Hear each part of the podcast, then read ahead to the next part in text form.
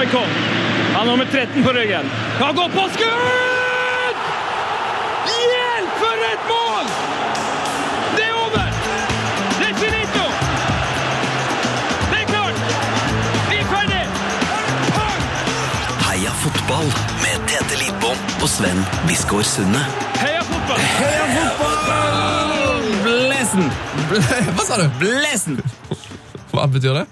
Nei, det er bare Er det sånn- Bless you, på en måte. Ah, blessing. It's a blessing. Det er, det er ja. Det er utrolig hyggelig å være her. For ei fotballuke det her har vært. Ja. Jeg føler jeg er blitt født på ny som fotballfan. ja. Det har vært altså så mye greier. Eh, bare, bare begynne med sånn fancy-ting. Folk har begynt å spille triple cap. Ja, det gikk jo ikke så bra. Ikke tenk på det. Eh, så har det jo vært noen overganger som har skjedd her. Ja, ja. ja de helt sjeldne. Det begynner å nærme seg tippeligaen. Forhen til Brighton, liksom. Det er det du tenker på her? Ja, selvfølgelig. Det er Og sjeldent. Så begynner det å knekke seg litt grann til i Champions League. Tottenham ligger eh, klart på andreplass i Premier League. Jeg er helt slått i bakken. Og så har du vært på Bylarm! Og så har jeg vært på Bylarm. Det var gøy. Urørt-finale, Bylarm, topp stemning. Og ikke minst Drake på søndag. Det var gøy, ass. Hva hva, hvem var den eh, beste musikeren du så forrige uke? Oh, den beste Var det Drake? Nei, det var kanskje en svensk eh, dame som heter Nadia Teran. Nei, er det sant? Ja, hun er, hun er gæren. Og en eh, norsk DJ som heter Purple Purple.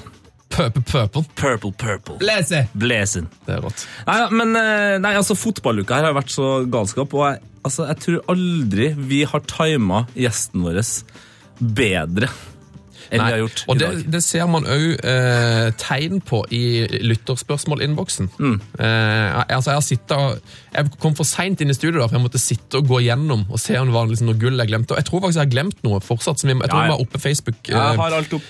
Ok, skal vi bare ta imot gjesten? da? Det er jo så mye å prate om her. Oh, yes. okay. eh, Heia fotballgutten. Heia fotball. Glad i deg. Glad i deg også. And you've never seen anything like this. Heia fotball! Ivrig, vet du. Ja, am- amorøs stemning her, ivrig. Yes, yes, yes. Ukas uh, gjest han har vært innom oss uh, før. Det var, en, um, det var en glede da, det blir en glede da òg. Han ser alle La Liga-kamper i løpet av en sesong, Tete.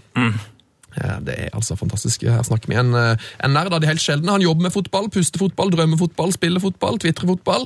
Ukas gjest heter har 29 000 følgere på Twitter. Eh, og Det betyr jo at i disse avistider så har han et større opplag, opplag enn de fleste norske Ah, Tenk på det. det aldri tenkt på det. Eh, Han er fra Odda, har spilt for Lyn og kan forhåpentligvis fortelle oss alt vi ønsker å vite om Champions League, La Liga, Martin Ødegaard eh, videre. Norges mest kjente Villareal-fan eh, og en mann som jeg vil tro ikke har sovet noe særlig natt, Petter Wæland. Velkommen til oss. God, eh, god kveld, får vi fortsatt si. Ja, du er fortsatt på kvelden, ja. Ja, mentalt så er jeg det, altså. Eh, har du, altså, kom du deg hjem etter denne galskapen av en eh, Champions League-kveld, eller? eh? Nei, det gjorde jeg ikke. Det ble, eh, det ble noen timer på øyet på, eh, på en sofa eh, innenfor sminkerommet der vi har studio eh, hos Viasat. Ja, Det forklarer vel egentlig det meste. Utrolig. Eh, Du ser, du ser fortsatt samtlige La- La Liga-kamp i løpet av en sesong, eller? Ja, eh, og cupkamper og europacupkamper med spanske lag. Pluss litt annet, da. Ja, vi, vi, når vi var inne med sist, så regnet vi på at du var på i overkant av 450 kamper i løpet av en sesong. Eh, Det er ganske imponerende. Husker du, husker du forrige La Liga-kamp du ikke så? Um, Når er det du begynte med dette her kjøret med å se alle kamper? Det, det tror jeg må ha vært rundt eh, fra og med sesongstart 2011-2012, tror jeg det må være. Fordi på slutten av 2010-2011-sesongen, da hadde daværende Kanal Pluss litt problemer med det digitale arkivet sitt. Så når, alle, så når alle kampene gikk samtidig i nest siste serierunde, da fikk jeg et problem. Så det, var, det er en teknisk feil som gjør at du ikke så Ja, det stemmer.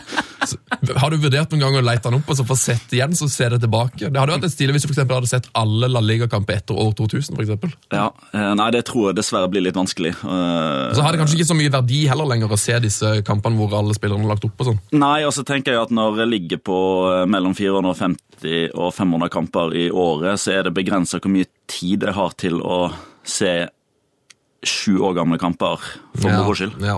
Ja, du, du, har jo, du har jo familie og Ja, jeg har faktisk det, altså. Ja. Ja. Tenkte jeg måtte teste det litt, eh, for du, jeg vet du har en, en klisterhjerne av de helt sjeldne. Um, begynner med en enkel en. Husker du resultatet mellom Molde og Sevilla i Molde?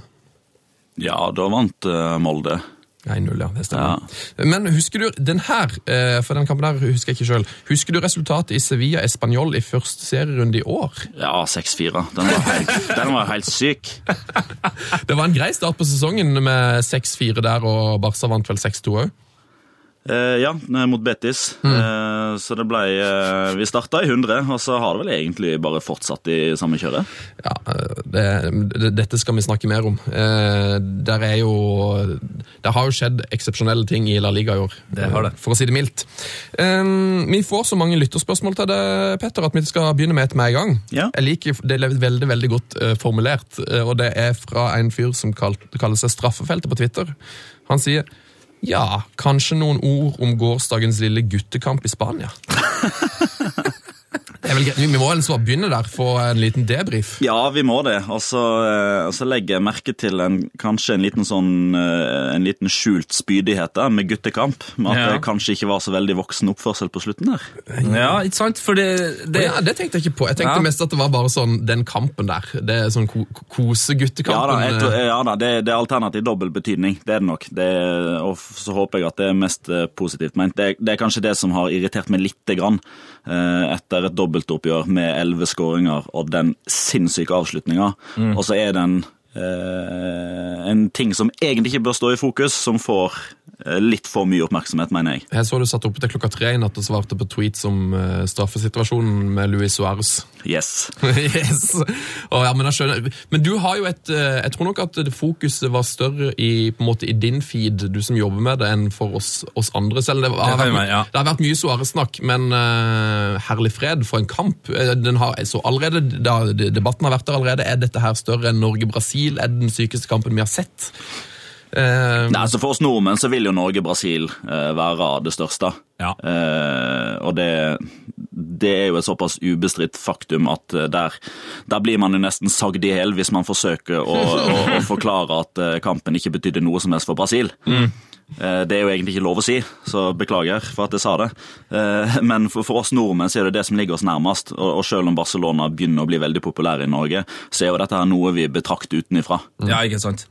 Eh, vi må kanskje bare starte liksom fra, fra starten. Det, det, går jo egentlig bare tre minutter før det skjer. Og, og um, jeg bare hengte meg veldig opp i Lucin Rike sin, sin to første setninger i pressekonferansen, der han sier This is a sport for mad people. Clearly crazy people. Og det er jo en gal mann som eh, starter det hele. Suárez putter etter tre minutter.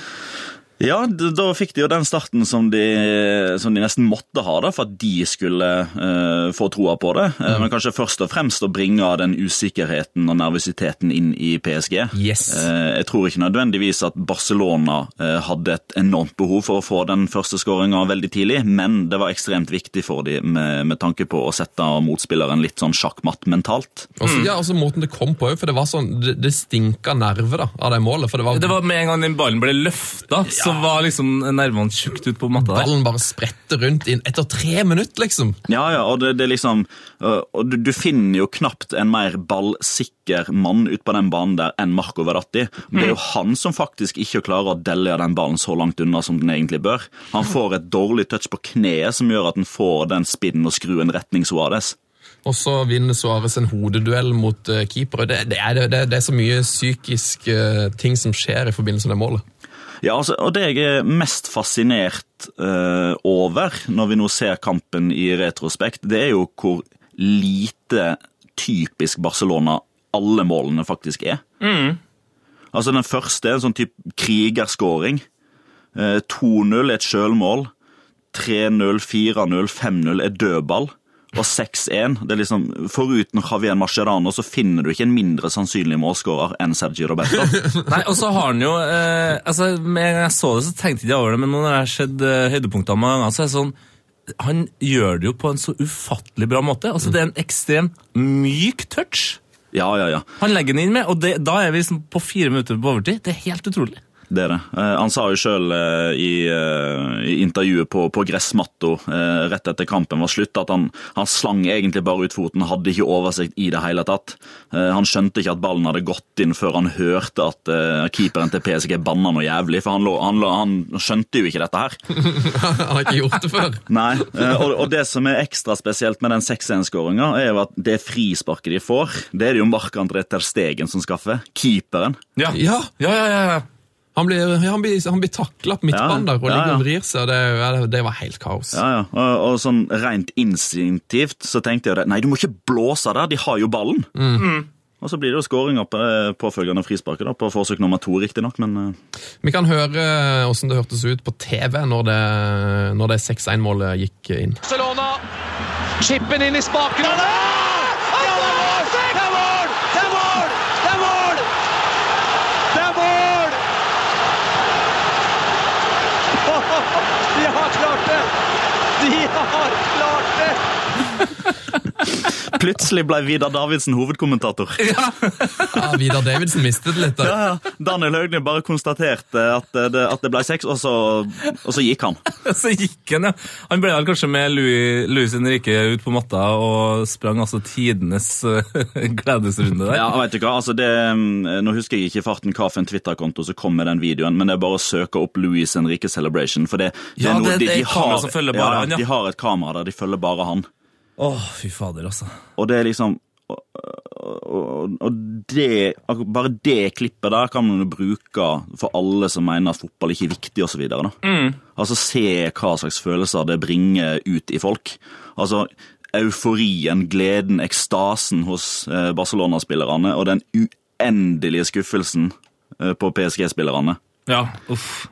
Eh, altså, det var jo det er en del som kødda litt uh, rundt det før kampen her, at Barcelona på en måte hadde øvd på å vinne uh, med fem mål. Altså, fordi Det var det første de gjorde etter eh, at, at de eh, kom hjem fra Paris. var det jo å vinne eh, 5-0, og så vant de 6-1. altså, det er litt sånn Ja, Det er nesten ja, for godt til å være sant. Ja, det er imponerende. Eh, Luis Henrique fikk jo spørsmål på, eh, på pressekonferansen i forkant av kampen om de hadde øvd på straffesparkkonkurranse. Ja. Og om man syns 4-0 var et uh, sannsynlig resultat. Og altså, nei, de, de bruker ikke tid på sånt, de øver underveis i kamp, de. Så det er jo ty tydeligvis at dette har vært en plan. Du, jeg lurer på, Når, eh, når det, det 6-1-målet gikk inn, så jeg så i kampen alene hjemme på sofaen. Jeg hadde merka sånn ekstremt behov for å ta på noen og snakke med noen når det skjedde. Hvordan var stemninga i studio hos Viasat når, når den gikk inn? Uh, nei, det var helt vilt. Og, og da må jeg jo faktisk bare sitere Christian Ramberg, eh, programlederen. Da, som, for vi sitter jo og ser på skjermer eh, vanligvis, men her, nå sto jo alle sammen. Eh, kamerafolk, lydfolk, eh, produsent. Alle var jo bare helt med på dette her. Eh, og jeg skal jo ærlig, altså Det er ikke noe poeng at jeg legger skjul på at jeg er glad for at Barcelona gikk videre.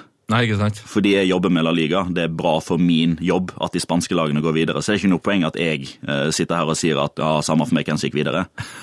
Eh, men men for, for, for de som ikke hadde noe forhold til verken Barcelona eller PSG, så var det jo bare den Altså Hele stemninga og det at de fikk lov til å være med på noe som man aldri tidligere har bevitna. han, han ene kameramannen, jeg skal ikke nevne navnet, han slår meg ikke som en veldig fotballinteressert mann sånn i utgangspunktet. Nei. Han tok fullstendig av! fullstendig! Ja, var, det, var, det, var det løping og hopping og kanting av glass og sånn, eller? Altså, jeg, jeg hadde nok med å ta vare på meg sjøl. Ja. Så jeg registrerte at alle gikk bananas, men eh, i detalj Nei, nei, glem det. Det klarer jeg ikke å huske. Ja, det er som eh, til og med eh, Dortmund sin trener Thomas Tuchel eh, var jo på en måte nesten mer interessert i Barcelona-kampen enn at han sjøl klarte å vinne 4-0 eh, mot Benfica. Det var jo et helt fantastisk intervju med Jan Åge Førtoft der. Ja, vet du hva. Den, og den har jo faktisk gått som en, som en farsott på internett òg. For den har jo ikke vært geoblokka, så den har jo folk håper jeg, fra hele verden kunne ha sett.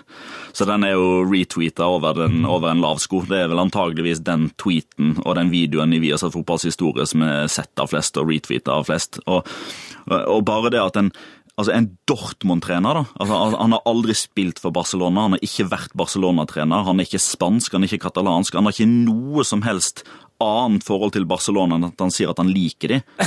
Og så står han etter sin egen kamp, der de vinner 4-0 og kvalifiserer seg til kvartfinalen, og han, han ser ut som en bitte liten gutt som nettopp har fått ei Barcelona-drakt på julaften. Ja, det er helt, helt nydelig. Vi, vi, kan- vi kan bare høre det klippet, eller? Vi We heard you screaming. Tell us som skjedde in the dressing room. We were freaking out because. You Uh, had a telly on.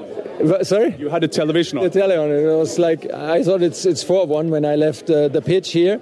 I came to my office. It was five one. I mean, I love Barcelona. No offense to Paris. I, I love Paris Saint Germain as well. But I was watching it. Everybody was staring, and we could feel it, you know. And we were just excited because we were four 0 and we had the win. So everybody was celebrating, and suddenly it was, you could uh, feel it coming, and the ball was coming, and it was a goal, and it was no offside, and we thought, ah, okay, we thought we were spectacular, but these guys, sorry. Thank you, boring Thomas Tuchel.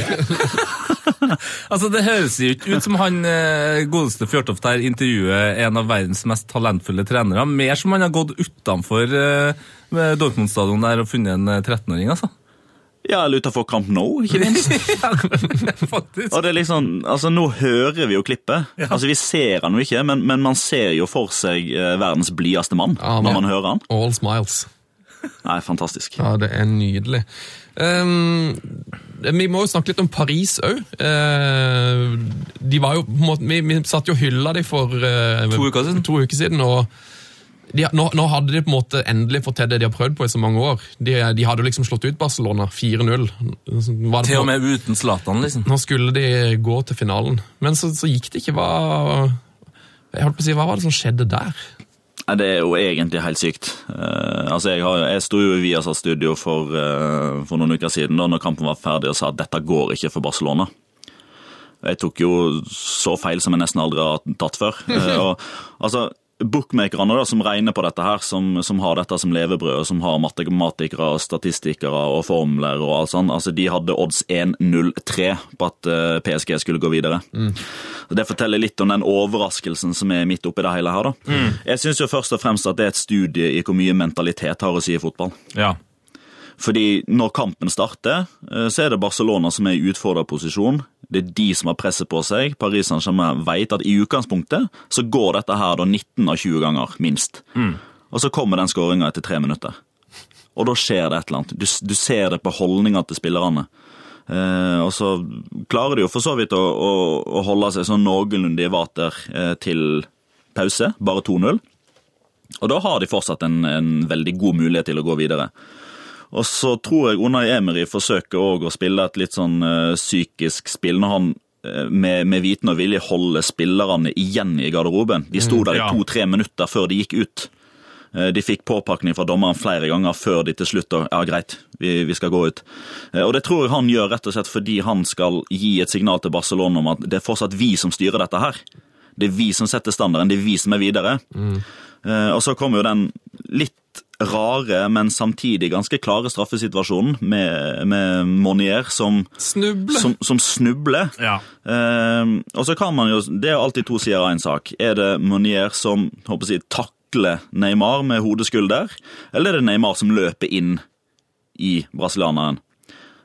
Akkurat i det tilfellet her så mener jeg at for at Neymar skal ha en fair mulighet for å nå ballen, så må han løpe akkurat der han løper. Han må skjære inn, ja. Han må skjære inn. Hvis han fortsetter å løpe rett fram, så får han en for stor avstand å bevege seg på. Da rekker han ikke ta ballen før den går utover dørlinja.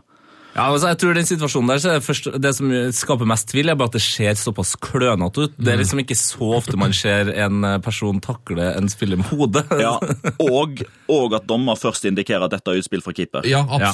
Og så blir det den usikkerheten der med, med at mållinjedommeren har, uh, har sett det fra en annen vinkel. Eh, sannsynligvis en bedre vinkel, for han får et litt skrått syn inn. Så han ser bevegelsen til Monier og ser treffpunktet, mens, keep, mens hoveddommeren han står jo bak Monier, så han ser ikke nødvendigvis kontakten. Um, og så kom jo uh, reduseringa til Kavani. Og da Da var det jo slutt igjen. ja, vi trodde jo det. Og det trodde jo åpenbart Unai Emery òg, for han jubla jo nesten på samme måte som Louis Henrique gjorde når kampen var ferdig. Ikke sant? Og det var fortsatt en halvtime igjen. Og da er det litt sånn, Hva slags signaler sender Unai Emery når han en halvtime før slutt på kamp nå tar dette bortimot for gitt. Ja. Altså, Selvfølgelig skal han juble, men akkurat i de øyeblikkene der så er det viktigst av alt at treneren holder koken. At han holder roa og sier at 'kjempebra, gutter', nå er vi der nesten, men en halvtime igjen. Ja, Som du så på de klippene når Suárez skåret etter to minutter, så var det han og Piquet. De sto bare Ok, boys, nå roer vi oss. Ja. De sto og roa ned. bare sånn, ok, det, det er fortsatt langt igjen. Er viktig å holde den, eh, holde den der. Eh, et annet eh, veldig bra bilde på hvor, hvor i oppløsning Paris gikk, er en som heter James McManus, som har tvitra. Han er vel sjef for Squaqua Sport, som er veldig god på statistikk og sånn.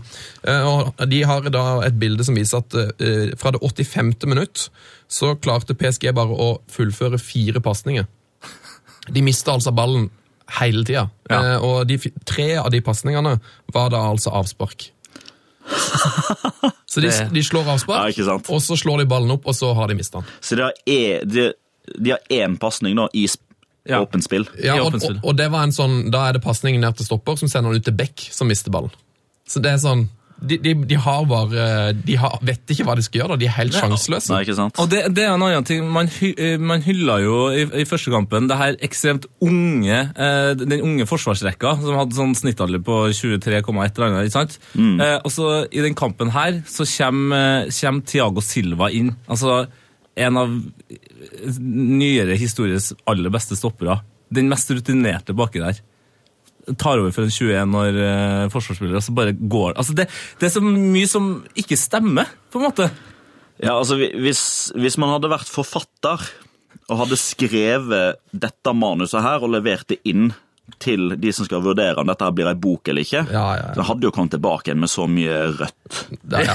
Bare, nei, nei, nei, dette er jo science fiction. ja, hån. Dårlig science fiction. Ja, Vi må snakke litt om Neymar òg. han spilte CS i natt. Uh, Han spilte eh, CS i natt, ja. Han feira med Counter-Strike i natt. Jeg har jo, Min gode kollega Niklas Baarli er jo stor uh, og ivrig følger av, av Counter-Strike, det dataspillet. Uh, han sier at eh, Neymar er, er en sånn slags stjerne eh, i verden på, Ja, på han, CS. han får lov til å spille liksom med de beste og bli trent opp eh, med de beste. Kaller seg akkurat nå for Slayer, som eh, metal-bandet. Og de to siste ukene, Sven, så har han spilt 142,9 timer med CS. Er ikke det sjokkerende? 142 timer med CS de siste to ukene. Det har vært oppladning- oppladninga hans, eh, Petter. Ja, det hjelper jo tydeligvis det. Så det blir, eh, det blir sånn eh, LAN, ikke det det kalles? Barcelona LAN med CS før hver eneste seriekamp nå og Champions League-kamp. Han var jo treffsikker i går òg. Er, det- er det den beste kampen han har eh, spilt, sånn isolert sett? Nei, Det er jo ikke det. det er faktisk et godt stykke unna òg. Ja. Men allikevel, da, så, så blir han jo helt, han blir jo helt totalt avgjørende på slutten. Og, og man forventer jo gjerne at, at det er Messi som skal dra lasset. Det er går- første gang vi har nevnt Messi nå. Ja, ja. Eh, og, og det er jo ikke Messi som drar lasset. Messi var egentlig sånn isolert sett skuffende i går. Han satte en straffe, eh, og det var for så vidt det. Mens eh, Neymar i de, i de siste ti minuttene, da, så, så setter han straffe Eller han setter først frisparket. Fantastisk vakkert frispark. Fra en egentlig ganske dårlig vinkel, fordi det er langt ut mot venstre. Og så setter han straffesparket. Og, eh, og jeg er jo en av de som, altså, som, som ikke nødvendigvis forsvarer Cristiano Ronaldo med, med tanke på hvor mange mål han skårer på straffe, men, men jeg er ikke den som tar eh, jeg å si, litt sånn lett på det og sier at ja, men straffe er jo mål uansett. Ikke sant? Fordi det, det- altså, det er jo en grunn til at 25% av alle straffespark i verden blir brent. Og det er ikke et åpent mål. Det står godt betalte keepere i et forsøk på å stoppe disse eh, forsøkene òg. Så, så det å sette den straffen to minutter på overtid, du vet at bommer du her, da er alt håp ute. Det er en mental greie, det der òg, og jeg ble imponert over at, eh, at Neymar satt den. Og så slår han jo en målgivende pasning, som for øvrig er den åttende i Champions League denne sesongen. Han topper den galant. Eh, og så er Det altså, det som er så spesielt med den målgivende pasningen, er at når Paris Saint-Germain klarerer den første, eh, det første innleggsforsøket, så får han jo ballen tilbake igjen. Da er han ca. 40 meter fra målet. Så tar han ett touch, legger ballen til rette, og der ville 99 av 100 andre bare fått den ballen inn med en gang, med høyre. Som jo er hans beste fot. Det Neymar gjør, det er at han drar i innleggsfinta, får ballen ti meter nærmere målet og slår inn med venstre, som i utgangspunktet er den dårlige foten. Og sånn statistisk sett, her er jeg litt sånn på, eh, på, på tynn is, men, men la oss si at kanskje én av 30 innlegg i boksen og til slutt ender med scoring. Ja. Den ene her, der ble det scoring. Og en ganske usannsynlig målgjører. Ikke minst. Ja, For de som ikke følger så godt med på fotball, hvor, hvor uh, usannsynlig var det at, uh, at det var denne Barcelona-spilleren som skulle avgjøre? Uh, nei, hva skal jeg si? Det, det blir jo kanskje som at uh, Truls Svendsen blir neste nyhetsanker i TV 2. Det er såpass, ja. Han har jo prøvd. Han har prøvd, liksom. Åh, men, eh, men vi var litt inne på det i starten her. Det var jo også en eh, situasjon og en spiller som eh, klarer å lage situasjoner eh, hver gang, eh, som har blitt snakka mye om Suárez eh, og hans Ja, man må jo bare kalle det filming. Som skaper den siste straffen her. Det er i hvert fall en overspilling. Det er i hvert fall en overspilling. Ja. Eh, og det er klart uh, Jeg syns ikke isolert sett at det som skjer i den situasjonen der, uh, er nok til at det skal dømmes straffespark. Nei. Eh, og Derfor sier jeg jo som jeg gjør helt i begynnelsen når vi skal oppsummere dette her i studio etter kampen, at, det, at her er det åpenbart at 98 000 eh, fans på tribunen og å si, øyeblikket og alt som har skjedd tidligere i kampen, det er med på å påvirke dommeren til å blåse straffespark. Um, det jeg ikke forstår, er alt at det skal framstilles som at dette her er tidenes verste filming. altså, vi, altså, vi snakker John Pelou-tilstander. Ikke sant? Men, men, men det, som, det som er et faktum her, da, det er at det er kontakt. Og det gir Luis Suárez muligheten til å være kynisk og gå ned. Eh, og, og i den situasjonen der, da, så er jo 99 av 100 fokuserer kun på det Luis Suárez gjør. Altså glemmer vi litt det Marquinhos gjør, som faktisk gjør en feil der. Som ikke ser på ball i det hele tatt. Som har ryggen mot ballen, kun ser på Neymar, og helt åpenbart er oppe med armen i halsregionen til Luis Suárez. Så sier ikke jeg at det er nok til at det skal være straffespark, men, men ingen tar det med i betraktninga. Og da syns jeg at det, det er liksom jobben min som fotballekspert når jeg skal stå og vurdere dette her i studiet etter kampen og prøve å belyse flere sider av samme sak, for vi glemmer jo oppi all viraken her at Marquinhos faktisk gjør en feil som Suárez utnytter. Og det er selvfølgelig godt over den moralske gråsonen, i hvert fall det vi er vant til å opplære til her i Norge. Det er jo selvfølgelig ikke det man ønsker at ti-tolvåringer som fortsatt sitter oppe en onsdag kveld og, og ser denne fantastiske fotballkampen, det er jo ikke det vi vil at de skal lære eller ta med seg fra dette her. Men jeg syns hysteriet og, og jeg adjektivene som ble brukt i retning Suárez, litt overdrevet, syns jeg. Ja, det som er irriterende, her er jo at, eh, at han Suárez tar seg først til halsen, som han har blitt kvelt, og så tar han seg til Brystet. til brystet som han har blitt stempla, så tar han seg vel til fjeset til slutt, som om han har blitt slått. Eh, I tillegg til at han faktisk, når den ballen kommer, så kunne han faktisk omtrent hedda ballen i mål, så det er jo ganske, ris det er jo ganske risky business det han gjør. Han kunne jo faktisk avslutta, men han, han tenker som så at her, her er det en større sjanse, større sjanse for Ja, å få ja. straffe. Nei, men, men altså, jeg tenker jo at det, det, det her er jo Det er jo to sider av den saken her. altså Marquinhos er jo klønete, og sånn er det. Og, og igjen så er det liksom Nå har vi, nå har vi kjent Suárez så forbanna lenge. Vi vet at han gjør hva som må til for å vinne. Han fikser det der. Og det er litt sånn da, det, Du er veldig inne på noe med det her øyeblikkets press da, på dommeren. Ja. Altså, vi, vi mennesker vil på en måte som oftest alt godt.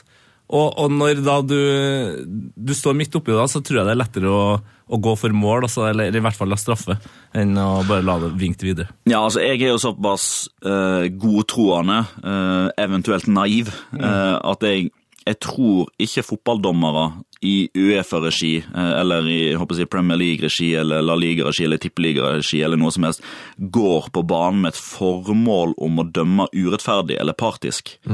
De oppfatter hver enkelt situasjon sånn som de ser. Eh, og det er jo òg Det er en sånn eh, Om ikke en kjepphest, så er det i hvert fall eh, Folk må gjerne arrestere meg hvis jeg har en eh, tweet der jeg har vært kritisk til dommerne tidligere. Så klart enkelte dommertyper har sånn, ikke så veldig mye til overs for. Eh, Hei sann, Matheo Ola Haas. Men, men akkurat det der med å forstå hvor vanskelig den dømminga faktisk er. Ja. Fordi, fordi altså, nå er det nå er, altså, Torsdag formiddag blir jo dette spilt inn. Det er et halvt døgn siden episoden, og vi diskuterer fortsatt selve situasjonen. Da, altså, gårsdagens tyske kampleder han hadde ett sekund på å bestemme seg på han. Knapt nok. Real time. Kanskje litt dårlig vinkel. Ja, det er ingen jo- reprise, ingen slow motion. Det er ikke noe Og så er det, og så er det 98 000 som gauler på at dette her er straffespark. Du skal være ganske kald i nøtta og sikker på at det ikke er straffe. For å la ikke blåse gå. det. Ja, ja, ja. Og så hadde jo Suárez hadde jo gult kort uh, allerede for filming òg, så han måtte jo antageligvis gitt Suárez rødt, da. Hvis han var heil, Da må du være ganske sikker, altså. Mm. Uh, vi var innom uh, Twitter her, og jeg vet ikke om Jeg vil nesten tro at du kanskje sitter med Twitteren din oppe eh, nå, Petter. For nå er det akkurat for 48 minutter siden så kom der en tweet som sjokkerer fotballverden, og det er fra Shabi Alonso, Mm. som har lagt ut et utrolig trist, men Ja. flott bilde av seg sjøl, hvor han skriver 'Lived it, loved it, farewell, beautiful game'. Så nå legger han altså opp. Ja, for han. Det er trist. Det er trist, da. Skal vi heldigvis nyte han i to måneder til. Men eh, det er jo eh, For gåsehud, altså. Ja, altså det er jo, det er jo en, av de, eh, en av de skal vi si, mest likte fotballspillerne de siste 15-20 årene som gir seg. Eh, Og det er klart han, eh, han har jo lagt igjen et spor etter seg i alle klubbene han har vært i. Eh, altså han, han er jo flaska opp i, i Real Sociedad. Der er han fortsatt forguda. Eh, folk går fortsatt rundt der med et oppriktig håp om at han skal ta en siste sesong i, San- Sebastian. Eh, Liverpool er han jo fortsatt ekstremt populær. Eh, han var med på en av de største, eller et av de største comebackene i fotballhistorien i Istanbul i 2005. Samme. Eh, I Real Madrid så er han fortsatt veldig godt likt, har et veldig godt renommé. Tida hans i Real Madrid står igjen som en braksuksess. Han har vært en del av det kanskje mest suksessrike og beste landslaget gjennom tidene, med, med gull i 2008, 2010 og 2012. Og i Bayern München så har han òg en legacy som gjør at han eh, selvfølgelig ikke kommer til å bli, bli stående igjen som en av de største der. Der har han vært for, for kort tid, men ingen kan si at Chabi Xabi Alonso har vært verken dårlig eller skuffende i Bayern München-drakta. Og, er ikke- og det er ikke alle som klarer å være like dominerende og godt likt i alle klubbene de har vært i. Det er litt sånn, eh, litt sånn utypisk eh, nådagens fotball, den karrieren han hadde. Altså at, eh, at han har liksom levert hele veien, vært hyggelig hele veien, lite skandaler. Han, er liksom, det der er sånn fotballspillere fotballspiller som jeg hørte liksom, eh, pappa snakke om, fantes på, på 70-tallet. Ja, altså, det, det her vet jo du bedre enn oss, Petter, men eh, er det ikke litt utypisk for en så stor spansk stjerne å tilbringe så mange år i England og Tyskland òg? Jo, eh, det er klart det har blitt mer vanlig nå. Som jeg sier, Fabregas har vært og er eh, fortsatt eh, i England. Han har jo, han har jo bare liksom vært en svipp- svipptur tilbake til, til Barcelona. Pedro og Diego Costa altså det, det er jo det valfarter jo spanjoler til, til, til Premier League nå, pga. globaliseringa og økonomiske muskler osv. Men det er klart at Chabi Alonso, til tross for at han har vært mange år i England, og nå òg vært en del år i Tyskland, så er det vel egentlig få spanske landslagsspillere som har vært bedre likt blant eh, spanske fotballsupportere, eh, spanske tidligere fotballpersonligheter som har meninger, aviskronikere, aviskronikører, fotballkommentatorer, fotballeksperter etc. Det er sånn, man har liksom ingenting å ta han på. Nei. Han har plettfri vandel. Han er eneste at han er nesten for kjekk. Han er irriterende handsome. Men det er kanskje ikke så mye å ta han på det heller. Eh, Han, eh, jeg tror vel eh, at han sa at han på en måte dro til Bayern München fordi han hadde, han hadde begynt å tenke framover. Han hadde lyst til å spille under Pep. Han hadde lyst til å lære seg litt om managerlivet. Mm. Hvor ser du for deg at han kommer til å ønske å fortsette karrieren? Eh, altså Som fotballtrener, mener du? Nei, altså der, der vil jeg jo anta at Spania er det naturlige stedet å få eh, si, litt av den videre formingen, iallfall, som, som fotballtrener. Det er klart Nå får han jo begynnelsen sin i, i Tyskland, for han har jo på mange måter begynt eh, trenerutdanninga allerede. Litt under Pep og litt under, eh, under Ancelotti nå. Det, det er ikke dårlige læremestere. Det. Nei, det er ikke det. og det- det er liksom, Man kan jo se på de tidligere trenerne han har hatt òg. Altså, han har hatt eh, Rafa Benitez, han har hatt eh, José Mourinho. Altså, hvis han plukker det beste ut fra de fire der, da, Ja, så blir monster. totalen ganske bra. Ja, det blir et monster. Um, Del Bosque har vært der og ja, vi funnet Del. Bosque og Luis Aragonés. Eh, altså, herre, herre min fred for noen eh, mentorer han har hatt. Kanskje det er han som skal, som eh, skal hjelpe eh, Real Sociedad eh, videre, eller han var vel også på lån i Eibar, som er liksom den store eventyrhistoria i La Liga denne sesongen her. Ja. Nei, altså kanskje, kanskje han bare skal ta en, eh, en poetisk treneretterligning av spillerkarrieren. At han begynner nederst i Eibar, og så fortsetter han i Real Sociedad. Oh. Så går han til Liverpool, Bayern München, og så avslutter han i Real Madrid. Så tar han rangstigen der. Åssen Hvordan, hvordan er mulighetene for at han eh, skulle tatt turen inn i trenerteamet til Barcelona? Der blir det vel noe rokering etter sommeren. Er det, er det liksom ikke, ikke mulig det i Spania å, Nei. å gå den veien? Eh, vel, altså, Sjøl Xavi, da. Eh, nå er han for så vidt fortsatt eh, aktiv, eh, eller som aktiv å regne fordi han spiller jeg, halvprofesjonell fotball i Qatar. Men, men sjøl han er, sånn som jeg tolker det, ikke aktuell. Ikke engang som en del av trenerteamet til Barcelona nå. Eh, når, når de skal eh, få, få ny trener. Yes. Eh, og da, eh, hvis ikke Chavi når opp, da når, da når ikke Chavi Alonso opp heller, altså. Jeg tar et eh, spørsmål fra Per Magnus Ringen. Han kaller seg for Olivier Giroud88 Du er på Twitter. Tanker om ny Barcelona-trener? Ja, Der regner jeg med du har noen. Ja da, og der, eh, det fikk vi jo snakka eh, ganske mye om i studio i går òg. Med meget stødige Guillaume Ballagé som, eh, som hærfører. eh, Og han kan jo dette. Han, han snakker med folk innad. Han veit hva som er hva som er dealen der, i hvert fall hva som er ståa per nå. da. Eh, Det som er faktum, er at Louis Luis Henrique som kjent har sagt at han takker for seg etter sesongen. Eh, Og Barcelona har da ja, to-tre måneder på seg på å finne en ny trener. Eh, Jeg tror ikke det kommer til å ta så lang tid før de blir internt enige, og enige med sin hovedkandidat, men de kommer neppe til å offentliggjøre det før helt på slutten av sesongen, tror jeg. Eh, Barcelona-styret, som jo er de som bestemmer dette her, har eh, kommet med sine anbefalinger, eller sine kriterier, til sportsdirektør eh, Robert Fernandez, som er han som til syvende og sist skal i dialog sammen med presidenten med de aktuelle kandidatene. Og det viktigste på den lista som må hakes av, er at han kjenner klubben fra tidligere av. Altså Han må enten ha vært spiller eller trener eller B-lagstrener, assistenttrener etc. Han, han må kjenne Barcelona-filosofien, han må ha vært der tidligere.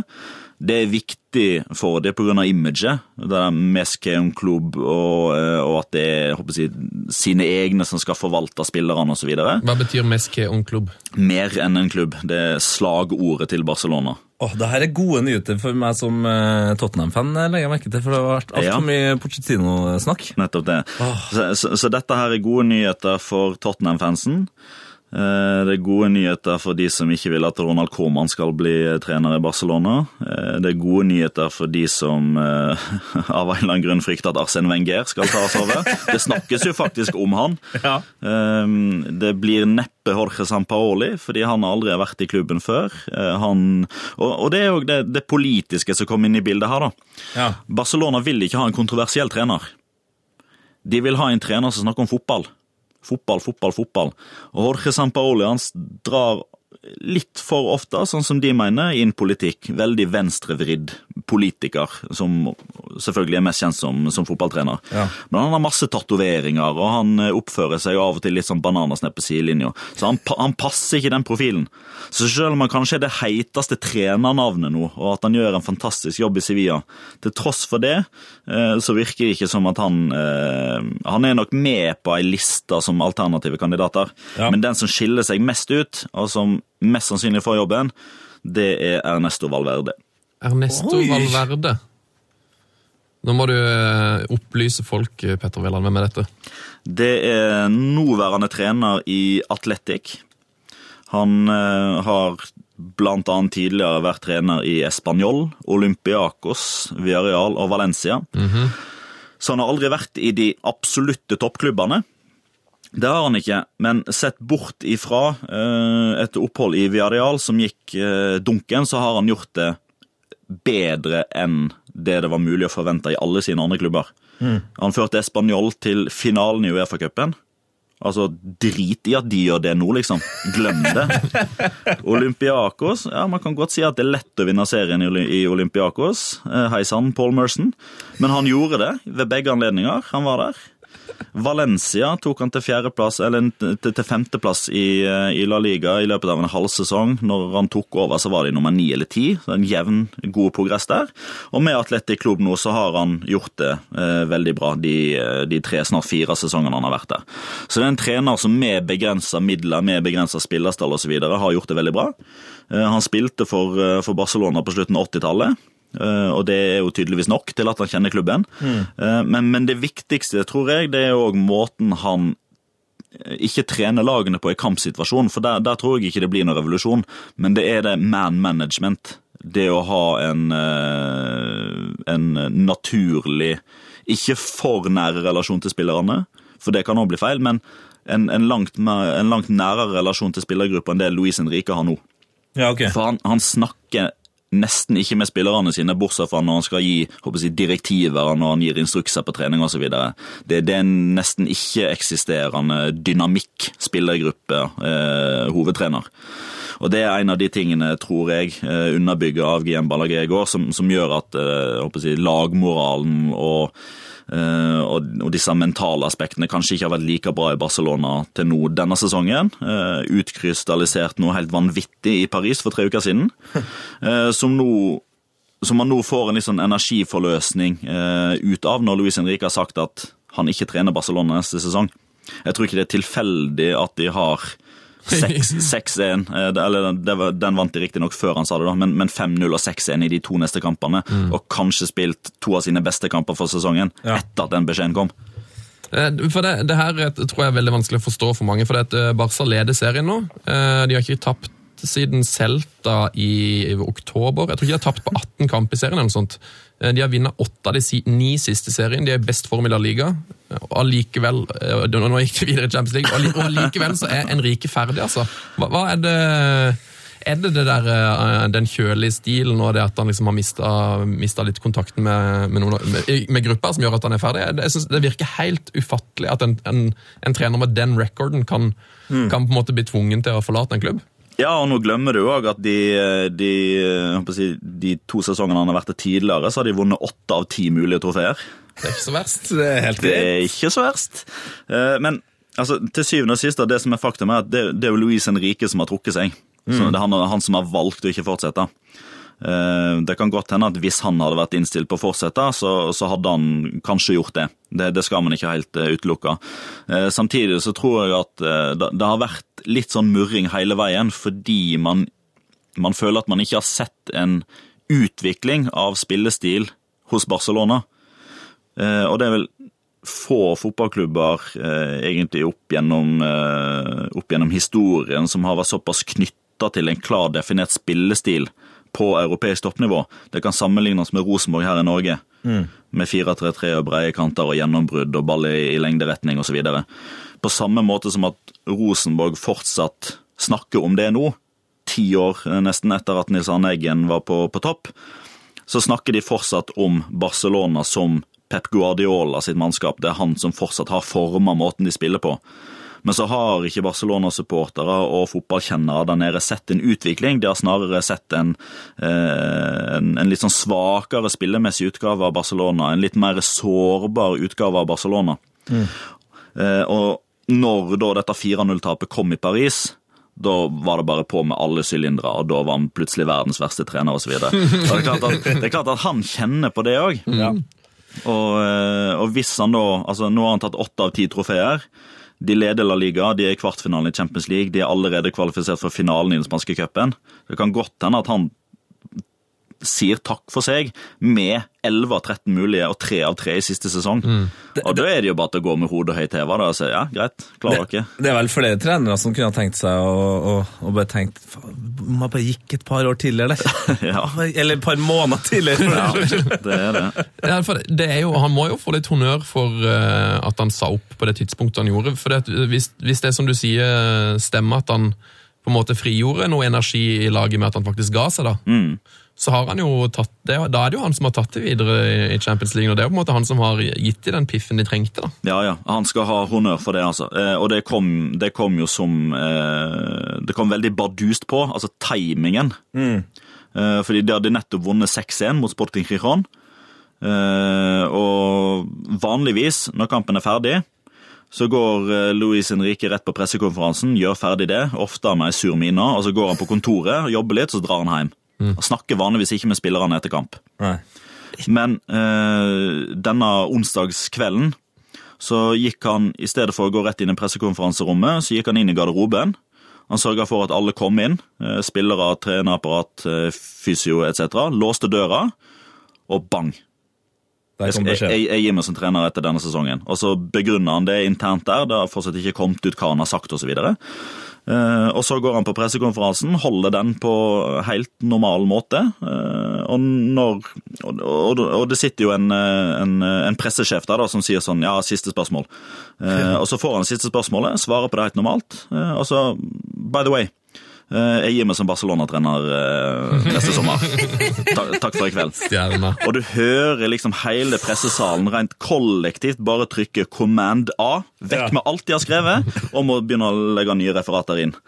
Eh, så, så det ble jo gjort på en veldig overraskende måte. Det gjorde det, men eh, Og da i stedet for at man får den spekulasjonen om det er Luis Henrique som leder Barcelona-laget neste sesongen, om det er riktig å gi han ny kontrakt, om man bør trekke seg osv. I stedet for at det er den debatten vi får, så diskuterer man i stedet hvem som tar over. Og Det er to vidt forskjellige debatter med tanke på hvordan det påvirker en prestasjonsgruppe.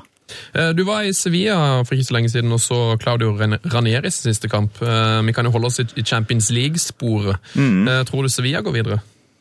Eh, De er nok eh, favoritter. Eh, Jeg ser jo at bookmakerne mener at de faktisk er favoritter til å vinne selve kampen i England. Og når de da har et mål å gå på, så vil de da være enda større favoritter som sammenlagt. Men det er liksom det er noen spor som de to lagene er i ferd med å komme inn i nå, som tyder på at det kan bli jevnere enn hva vi tror. Eh, For Leicester, som dere sier, eh, bye bye Ranieri og inn med Shakespeare. Eh, Bare det i seg sjøl gjør jo at dette her Altså, her skrives det kapitler. Hallo! Og selvfølgelig har sett mye bedre ut nå, først og fremst mot Liverpool, men òg mot Hull i de to kampene de har spilt nå. Eh, Skal ikke spille kamp nå til helga pga. at Arsenal skal spille FA Cup, så de får en veldig rolig og lang oppladning til kampen. Mens eh, Sevilla, de ser de ser trøttere ut enn på lenge. De løper mindre, de vinner færre dueller, de avgjør færre kamper helt på slutten. Eh, og Det har jo vært et av de store kjennetegnene til Sevilla denne sesongen, at jevne kamper har bikka i deres favør på tampen av kampen. Mm. men nå sist mot Alaves eh, mandag kveld, så var det Alaves som utligna på slutten av kampen. Og det er en litt sånn Innad i trenerteamet til Sevilla så er det visstnok litt sånn uro for hvordan den fysiske formen til nøkkelspillerne er. Uh, og den kampen mot Leicester det blir kamp nummer 42 for sesongen. Allerede. De begynte 9. august på Lerkendal mot Real Madrid. Og vi kjenner jo Sampaoli som en veldig krevende trener. Det blir mye løping, det blir mye, mye som skjer i løpet av en kamp. Uh, Så de to faktorene der, i tillegg til selvfølgelig det enormt viktige bortemålet som Jamie Vardy skårte på Ramón Sánchez Pitruan, så skal, ikke vi, så skal ikke vi ta det for gitt at det er Sevilla som går videre, altså selv om de vil være favoritter. Ja, for Det er fascinerende at eh, Leicester, som på en måte var i sin dårligste form eh, ever, på en måte, de tapper 2-1. Ja, så, ja, ja, det, det er jo det er så åpent, og så har det skjedd så mye på de ukene siden sist. Ja, Det viser hvor fort ting kan snu, da. Eh, Vi har jo for så vidt brukt ganske lang tid på å snakke om en annen voldsom snuoperasjon, men det er klart, hvis- Lester Leicester slår Sevilla, så er det jo, det er jo et Shakespeare-stykke, det òg, i ordets riktige forstand. uh, Prøve å avslutte CL-praten. Det er mye annet som har skjedd denne uka. Men uh, hvem tror du går til topps i Champions League i år? Eh, vet du hva, jeg, jeg står ved forhåndstipsene mine som jeg kommer med før sesongen, fram til det er teoretisk umulig at det skjer. Uh, I august så sa jeg Manchester City. Så jeg, jeg står fortsatt ved det. Oi! Dæven, ja, det Så du mener kanskje... at eh, eh, Pep eh, slår eh, Champions League-eksperten i sin gamle klubb uh, Anslotti? Det var deler av begrunnelsen min, ja. eh, At det er Guardiola som er trener. Eh, Men jeg trodde oppriktig at han skulle ha litt mer kontroll defensivt enn hva enn hva de har vist til nå. Og det er jo liksom alarmerende, for i, i ganske mange av tilfellene så er det ofte eh, å si, defensiv eh, struktur og til dels kynisme som, som sørger for eh, hvilket lag som går videre. Ja. Se f.eks. på Atletico Madrid de, de siste sesongene. Um, og så var det, og, lå det òg litt i bakhodet at eh, med de forutsetningene som de engelske klubbene har, med den kvaliteten som jo er der, så må det jo snart løsne i Europa òg. Det er helt ufattelig hvor ræva de har gjort det.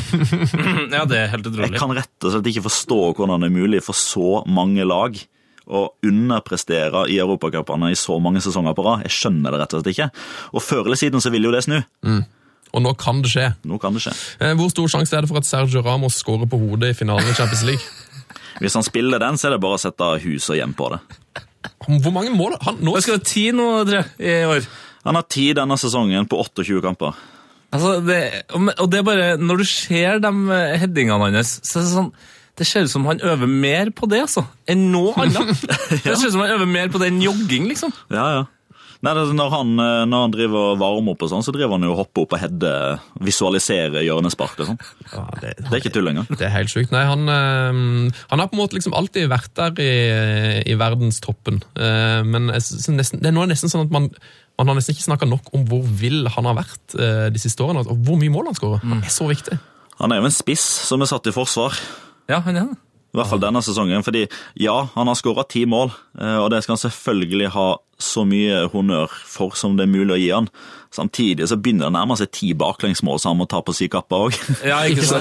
Så han er jo en eh, underholdningsgarantist. Det er han jo. Han må jo bare like han.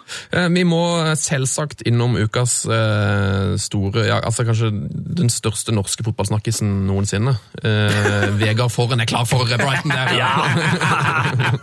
Han stakk altså av fra Spania og kom seg til Brighton. Det er hyggelig. det er hyggelig. Og de pengene som ikke Rosenborg brukte det, var, nei, det, det stemmer vel ikke, men det var snakk om at det var eh, mange millioner som skulle brukes på forhånd, men de pengene putta de i Niklas Bentner. Eh, hva tror vi om Niklas Bentner i Eliteserien, boys? Det blir jo eh, veldig spennende å se eh, hvordan dette går, da.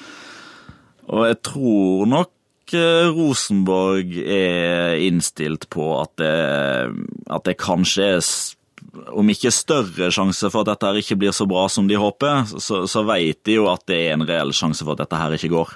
Eh, jeg er en eh, Altså, jeg vil karakterisere meg sjøl sånn personlig som en ganske snill type. Jeg vil folk godt. Eh, hvis jeg er sur og forbanna, så holder jeg det ofte for meg sjøl. Jeg sp- spyr ikke ut eder og galle på Twitter osv. Eh, og jeg liker å gi folk nye sjanser.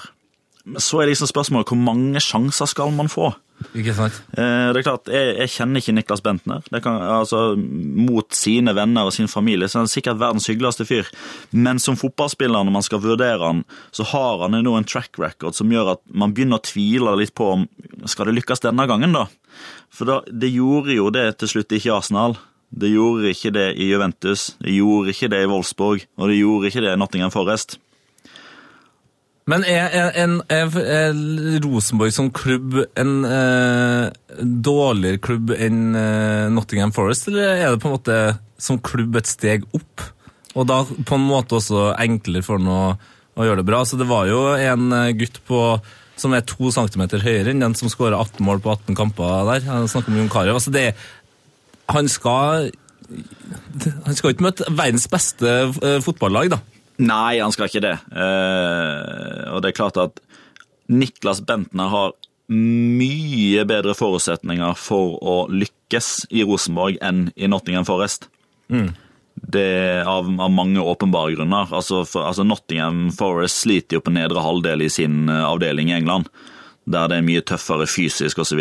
Rosenborg er før, altså før de henta Bentner, så var de soleklare favoritter. Nå kan du jo bare inngravere tippeligaen, eller Eliteserien 2017 Rosenborg allerede. Så overlegne kommer de til å være. Det er klart at Når du ser på track recorden til de spissene Rosenborg har hatt eh, de siste årene nå, Nikki Bille, eh, Søderlund, Gytkjær Bentner har gode forutsetninger for å skåre enda flere mål enn de. Så jeg, jeg er ikke bekymra på Rosenborgs vegne for hvordan det går med Niklas Bentner på banen. Nei. Det er mer det utenfor banen jeg er litt usikker på. Du er, du er mer bekymra for uh, meg og Sven som bor i Trondheim, på en måte? Og, og, Han kan jo bli naboen min, tenker du ikke det? Han kan flytte inn her i veien. Da må du passe godt på han, Sven. Jeg skal gjøre, ass. Nei, jeg, har, eh, jeg blir veldig overraska hvis ikke han skårer eh, 18 pluss i år. eh, Og jeg blir veldig overraska hvis ikke han scorer et hat trick før eh, 16. mai. Han scorer hat trick på 16. mai. Ikke Merk, sant? merk mine ord. Og så kommer han ikke 17. mai-toget, og så er det i gang. Da er det i gang. Eh, Er det tidenes overgang til norsk fotball? Eh, Jeg har lyst til å snakke om dette siden du er lynmann, eh, Petter. Og Ja, dere jeg vet hvem du tenker på. Mathias Almeida. Ja. Eh, Kanskje et større navn, men han var ikke helt på høyden. Eh, Hva, hva tenker du? Ja, altså, for det første så er jeg dundrende subjektiv her. Fordi jeg jobba jo i Lyn når Mathias Almeida kom. Jeg jobba i presseavdelinga. Jeg hadde det første intervjuet. Jeg var med og tok imot han eh, når han kom oppe på Kringsjå. Eh, og håper jeg fikk jo se med mine egne øyne hvordan han reagerte når han så at eh, garderoben var inne i et bomberom inne på Kringsjå barneskole. Så langt unna alt annet han hadde opplevd i River Plate og Sevilla, Lazio, Parma, Inter og alt det der. Det i seg sjøl er jo en, en, en bedre CV å ha enn Arsenal, Juventus, eh, utlån til Sunderland, Birmingham eh, og, Nottingham Forest eh, og, Wolfsburg. Og 35 landskamper for Argentina. Men som dere sier, da, han var jo veldig på vei ned. Han hadde jo ikke spilt så veldig mange fotballkamper de to-tre årene før han kom til Lyn. Um, Det har ikke så- Bente heller gjort. nei, nei, ikke sant? Så, så jeg, vil jo, jeg vil jo si at uh, Mathias Almeida og Eido Gudjåsen kanskje er større navn, om man utelukkende ser på navn. Ja. Men, men ser man på stadiet i karrieren der man kommer Mat, eh, Bentner er fortsatt under 30. Han er 29 år! Så, så den potensielle oppsiden og, og måten man kanskje ser tilbake igjen på Bentner når han ikke lenger er i Rosenborg, eh, da tror jeg vi fort kan snakke tidenes overgang. Um, Almeida, hvor mange kamper ble det i Lyn? Å, det var ikke mange. Eh, jeg tror han hadde to tippeligakamper. Eh, men jeg husker han, eh, han starta en cupkamp borte mot eh, Fett på Fedrelandet stadion. Det Da, er deilig. da skåra han et mål. Og da Bastion møtte opp i hopetall første runde i cupen. De spikra sin egen provisoriske tribune bak det ene målet. Eh, det, det var tilstander.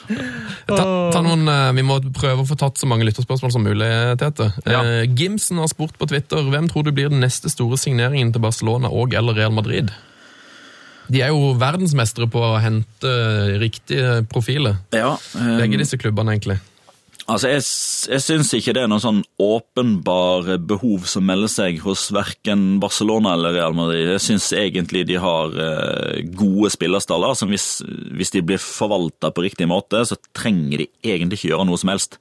Eh, men spesielt Real Madrid har jo et rykte på seg for å være en klubb som eh, relativt ofte henter de, de største stjernene. Ja, det blir som å ta bort julaften på baren hvis eh, de ikke har én verdensklassesignering. Det er nettopp det, og nå har det faktisk vært et par år uten julaften for Real Madrid-supportere. eh, Delvis pga. at man ikke lyktes med David De Gea, eh, og pga. at man har hatt denne registreringsnekten og Fifa-straffen hengende over seg. Så det er en stund siden siste ordentlig storstjerna kom inn eh, i Real Madrid.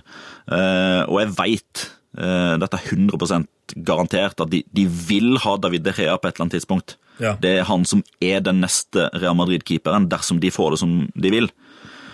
Men det er, jo en, eh, det er jo ikke en liten klubb han spiller for nå, da, så de skal liksom ikke bare banke på døra og sette igjen en eh, pose med euro og ta han. Eh, De må jo bli enige med Manchester United, den rikeste klubben i verden, som overhodet ikke har noe som helst behov for å tjene penger på spillersalg. Så, så det, blir jo, det blir jo ikke lett, men, men det, er, det er pri nummer én.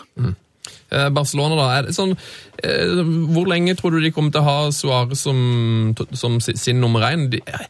Jeg, har jeg rett hvis jeg sier at de har en litt sånn tradisjon for å kvitte seg med superspissene sine litt Rett før, ja. litt- ja i, I riktig tid. Ja, de pleier å, å se tidlig nok når eh, en spiller er på vei ned.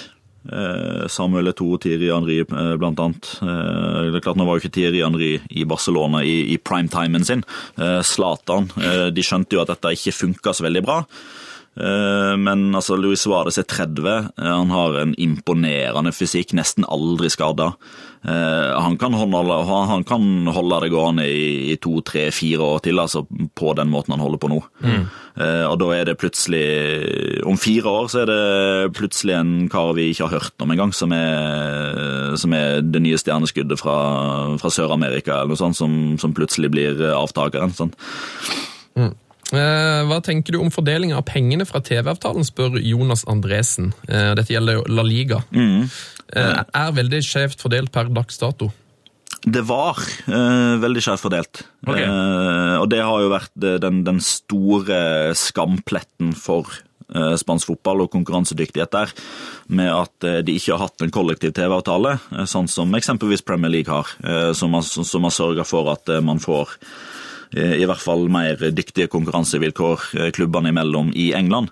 I Spania er det sånn at Real Madrid og Barcelona og de andre klubbene har individuelt forhandla seg fram til eh, kontrakter med TV-selskapene.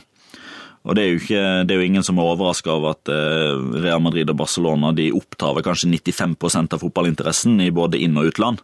Det er de to desidert største klubbene som har flest TV-seere, flest supportere, eh, som, som vinner La Liga stort sett hver eneste sesong osv. Eh, Men, men heldigvis så ble det vedtatt eh, i den spanske nasjonalforsamlinga at fra og med forrige sommer så ble TV-avtalen solgt kollektivt.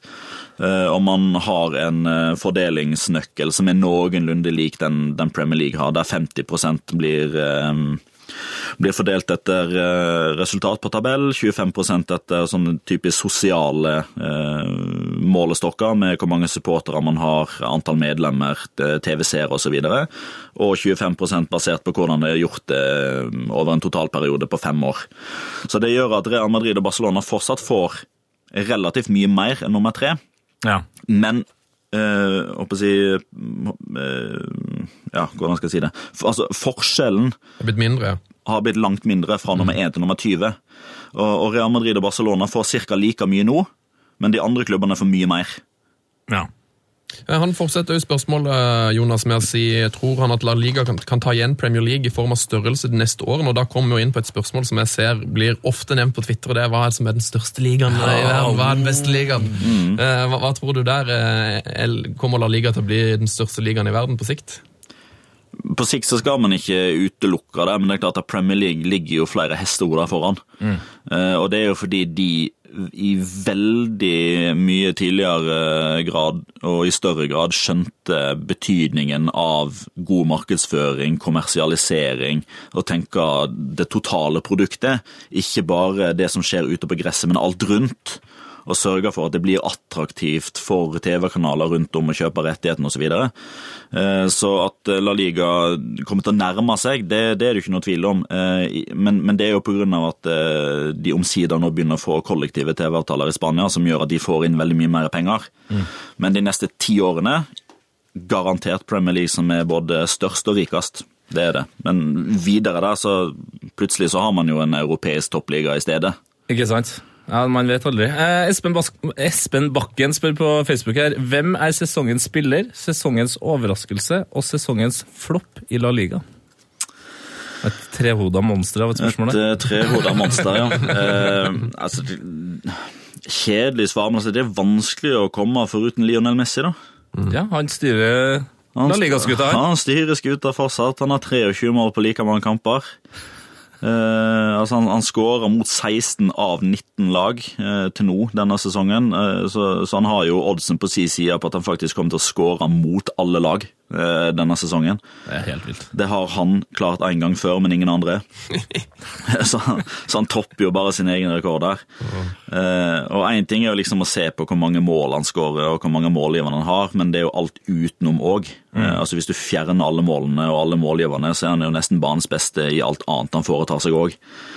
Eh, så det, det er jo det kjedelige svaret. Eh, At det er Messi som er best, men det er jo svaret på spørsmålet. Ja. Og, men eh, årets eh, overraskelse, da, der er det kanskje et par eh, alternativ.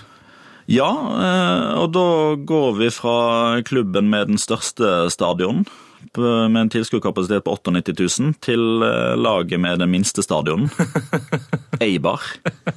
Halleluja for en eventyrhistorie, altså. De ligger altså på åttendeplass nå. Ja. De pusher plass i Europa League neste sesong. Og Der har vi jo fått inn spørsmål. bare Fortell oss om eventyret Eibar. Ja. Ja. Hva, hva er det som har skjedd her? Nei, så For å ta en liten historie kort, da. Fram til eh, 2012 så var Eibar kun kjent blant de spesielt interesserte for å ha vært klubben som hadde Chabi Alonso og David Silva på lån Ikke sant? for mange år siden. Eh, aldri vært i, eh, i La Liga tidligere. Eh, og i 2012-2013-sesongen, da rykker de opp fra nivå tre. Altså det, det nivået der vi ofte har sett Martin Ødegaard spille fotball. Det nivået som har vært veldig populært å slakte nedenom og hjem. Der spilte jeg bare 2012-2013. Vi rykka opp til Segunda, hadde det minste budsjettet på nivå to. Bang, rett opp. Skulle spille La Liga. Og det de fikk jo egentlig ikke lov til å rykke opp av La Liga. eh, av en av de mest absurde grunnene jeg har hørt. Hva? Fordi reglene er sånn at du må ha en eh, egenkapital som tilsvarer eh, minimum 25% av gjennomsnittsegenkapitalen. Ai, ai, ai, ai. Det hadde ikke Eibar. Nei, Det er ikke så rart. Men, Ei- men Eibar var den eneste klubben som ikke hadde gjeld. De skyldte ingen Altså, det var ingen, ingen kreditorer. Absolutt ingen som, som hadde penger utestående hos Eibar. Det var den eneste klubben, og de fikk ikke lov til å rykke opp pga. økonomi. Så de kunne i teorien tatt opp et lån for å få egenkapital til å få lov til å spille. Nei, det fikk de heller ikke lov til. Opplegg. Så det, så så det, det som måtte til da, da, de måtte samle inn penger fra nye aksjonærer for å få nok egenkapital til å bli godkjent av La Liga som ny eh, klubb. Og dette her ble jo en, selvfølgelig en kjempestor snakkis. De har jo eh, masse småaksjonærer fra, fra hele verden, deriblant her i Norge, som, som lot seg fascinere og ikke minst provosere eh, av denne sykt teite regelen. Men de klarte nå det, da. Eh, Spilte sin første La Liga-sesong i 2014-2015. Eh, Spilte veldig bra på høsten. Var vel oppe på 9.-10.-plass etter 15-16 kamper. Og kollapsa totalt. Og ble til slutt nummer 18. Rykka ned. Treneren trakk seg eh, fordi han ikke klarte å holde de oppe. Eh, 80% av spillerstallen hadde nedrykksklausuler i kontrakten sin, så de sa takk og farvel. Og så eh, kommer juli måned halvannen måned etterpå, nei, da sender La Liga Elche ned pga. økonomiske trøbbel. Yes. Så da var plutselig Eibar i La Liga, i La Liga likevel. Med sekundabudsjett, med ribba spillerstall, og måtte liksom begynne på scratch, da, og hadde egentlig et enda dårligere utgangspunkt foran den kommende sesongen enn da de spilte La Liga for aller første gang. Og så ble de vel nummer 14 eller noe sånt forrige sesong, 14-15, holdt seg unna verste nedrykksrider da òg. Og denne sesongen så er de altså nummer åtte etter 26 serierunder. Utrolig, så har de BB. Så, så har de BB. Ja, så har de BB. Altså, jeg satt, jeg med, satt med et øye på den eh, Eibar Real Madrid-kampen eh, sist helg, eh, og bare eh, Det var veldig rart å se Ronaldo og Benzema du rundt eh, på en stadion der det er plass til 7000. Altså, det er, altså, altså, Ronaldo er nesten like høy som eh, den høyeste stadionen, på en måte. Så det, nei, det er en fantastisk historie om en eh, liten, rar klubb. Ta et lytterspørsmål fra din kollega Endre Martinsen. Eh, hvem liker du best i Viasat Norge? Altså, det er, det er en av de som jobber i markedsavdelinga, eh, som er helt ufordragelig. Eh, han bor i Spydeberg, han heter Endre. Er ikke han, da. Nei da, Endre er fantastisk. Det har bare positive ting å si om alle som jobber i Viasat. Eh, Vi har Rune Bratseth her eh, neste uke. Um, ja, din, din, din kollega, hva, hva bør vi spørre han om? Hva, er- hva er det den lille, hva er det som har, hva du har lært om Rune Bratseth etter du begynte i Viasat? Hva er det han har eh, på lager av historie? Eh, mange gode historier. Eh, vi satt jo annet i, eh, i redaksjonslokalet i forkant av sendinga på tirsdag mm. og snakka om Napoli Real Madrid. Gikk, gikk gjennom kjøreplan for sendinga, vi skal snakke om det og ha noen innspill osv. Og da har vi en researcher som heter Arild Sandven, eh, som har jobba i Aftenposten i mange år, og som eh, sørger for at vi har bakgrunnsinfo og litt sånn finurligheter bakerst i hjernebarken når vi går på. Og da spør han Rune om han noen gang har spilt på San Paolo, fordi vi snakker om den stemninga som kommer til å være der, og så videre. Ja, spilt mot Napoleon Napoli Maradona. Slo dem eh, 3-1. Yes! Så den, eh, den må han få lov til å fortelle. Men, men det som faktisk har overraska meg mest, med Rune Brasse, for jeg kjente ikke han før jeg skulle på TV med han første gang. Eh, kun sett han på TV og kun hatt håper jeg, det inntrykket, og selvfølgelig eh, spillerkarrieren som er helt fantastisk osv. Det beste med Rune Bratseth, det er humoren. Det er humoren. God humor. Den er så tørr at den er, Yes! at den er våt. Det, det passer oss Det perfekt. passer iallfall meg perfekt, dette. du, eh, vi skal vi, eh, vet ikke helt hvor, hvor mange spørsmål til vi rekker. Er er du på vei ut døra, Petter, eller rekker du et par til? Det skal hente en bil på verkstedet i Spydeberg om to og en halv time, så jeg har kjempegod tid. ja, ja. Eh, vi må snakke litt fag, eh, og det er en eh, nå mistet, hva Han heter eh, Andreas Bryn. Lurer litt på hvordan du endte opp i TV. Altså hvilken vei han gikk for inspirasjon. Ehm, jeg betalte Kenneth Fredheim masse penger for at han skulle Nei da. Nei, altså, jeg har jo alltid hatt en drøm om å bli fotballspiller som alle andre. Det er jo der alle starter. Løper rundt på eh, Ja, de fleste nord løper rundt på kunstgress. Da jeg sprang rundt på grusen i Odda. Jeg hadde et ønske om å bli fotballproff. Eh, lyktes nesten med det. Eh, det tok meg til hovedstaden og Lyn og, juniorlaget der. Eh, men fikk ikke kontakt med A-laget. Eh, Men jeg ble, i løpet av den treårsperioden jeg var i Lyn, så, så ble jeg godt kjent med han som var pressesjef i, i Lyn, Joakim Wester Andersen. Um, og når jeg da var ferdig på Norges toppidrettsgymnas, eh, ikke skulle spille fotball for Lyn lenger, så, så visste jeg ikke helt hva jeg skulle ta meg til. Så jeg ble tatt inn eh, som frivillig på, eh, på kampdag. For å være bl.a. den som skrev referat, kampreferat på lyn.no, hjalp til med lagoppstillinger, delte ut til pressen som var til stede osv. Um, og så ville tilfeldighetene ha det til at jeg ble billett- og butikkansvarlig. Selvfølgelig. Ja. Mitt første spørsmål til Truls Lyr Olsen, som var arrangementsansvarlig i Lyn nå, eller Lyn da, og i Lillestrøm nå, det er, kan du være så snill å forklare meg hva moms er? Ikke sant? Det var utgangspunktet mitt for å være butikkansvarlig eh, i Lyn. Um, og så var jeg i, i klubben i ca. tre år. eh, og parallelt da så, så hadde jeg jobba eh, litt for TV 2 eh, bak kamera, som, som en som holdt orden på statistikk for spansk fotball. Og det er faktisk Det er sannsynligvis den kuleste historien jeg kan fortelle. Det er måten jeg havna i TV 2. Um, fordi da bodde jeg sammen med min far på Slemdal i Oslo. Eh, og vi delte jo på utgiftene til, de, til den leiligheten som vi lånte. Jeg hadde jo stipend. Uh, men det stipendet tok jo slutt når jeg slutta på, på Norges toppidrettsgymnas. Uh, så da kom det til en periode tidlig på høsten, der i 2005 var vel det. Der pappa sa til meg at nå må du snart òg begynne å bidra igjen til eh, utgiftene på denne leiligheten. Eh, og vi fant vel egentlig ut at eh, jeg måtte få meg jobb. Han var ikke fornøyd med tempoet mitt i å få tak i denne nye jobben og engasjementet. og pro Jeg var ikke så veldig proaktiv i å få meg jobb. Nei. Um, og så var det en, en kveld, en onsdag kveld, jeg husker det som det var i går. Uh, så sitter jeg på, på PC-en på rommet, spiller noe fotballmanager eller et eller annet sånt. da. Uh, og så sier han uh, Petter, nå må du begynne å søke jobber. Du må ikke sitte her og tro at telefonen ringer, og så er det plutselig noen som spør om du har lyst på jobb. Så tar det ti minutter, så ringer telefonen.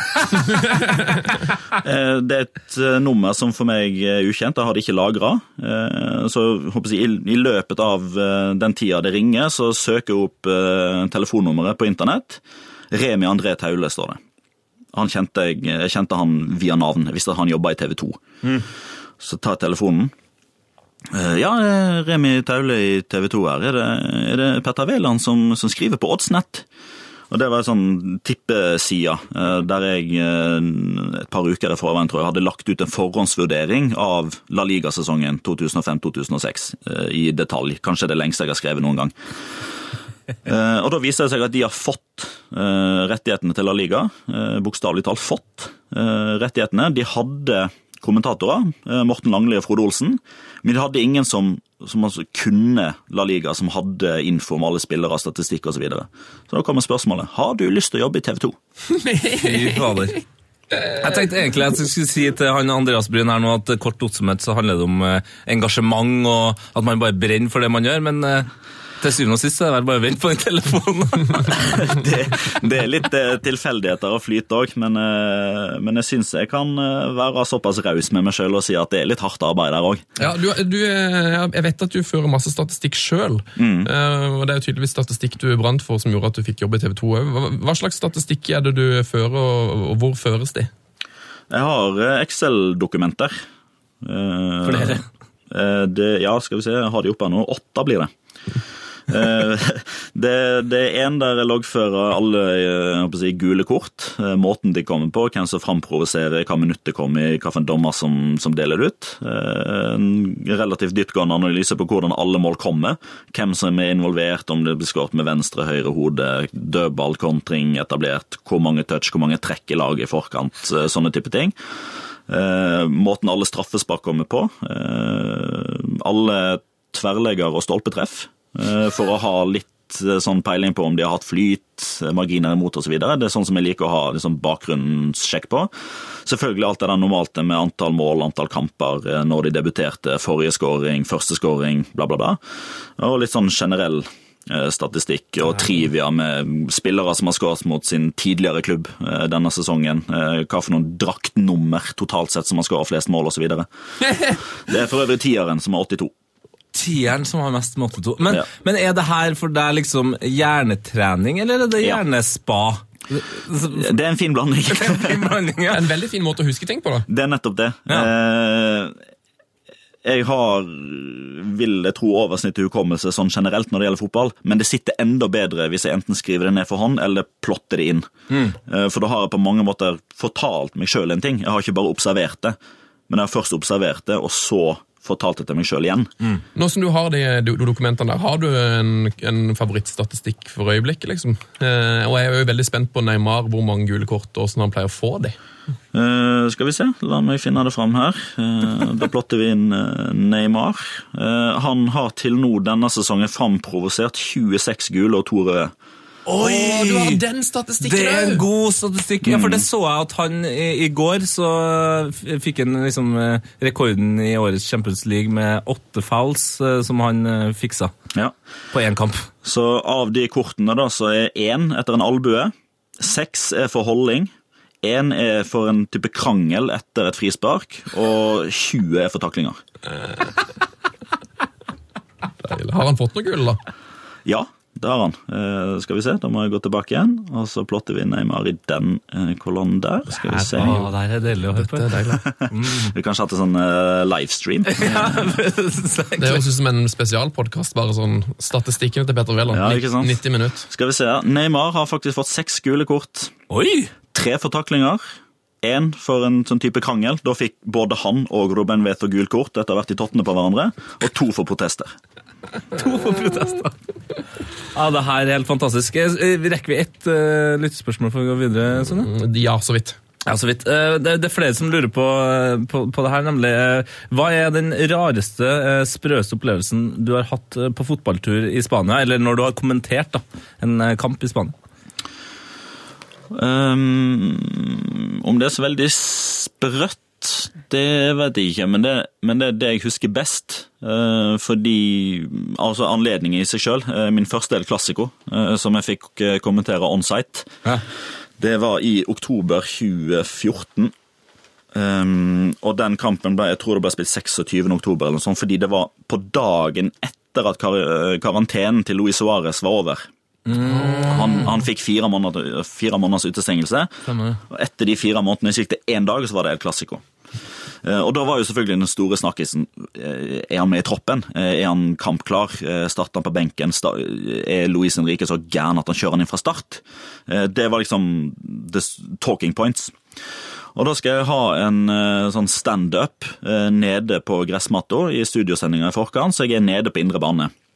Går litt fram og tilbake der, egentlig får tida til å gå og får inn inntrykk osv. Og, og så ser jeg Fabio Capello.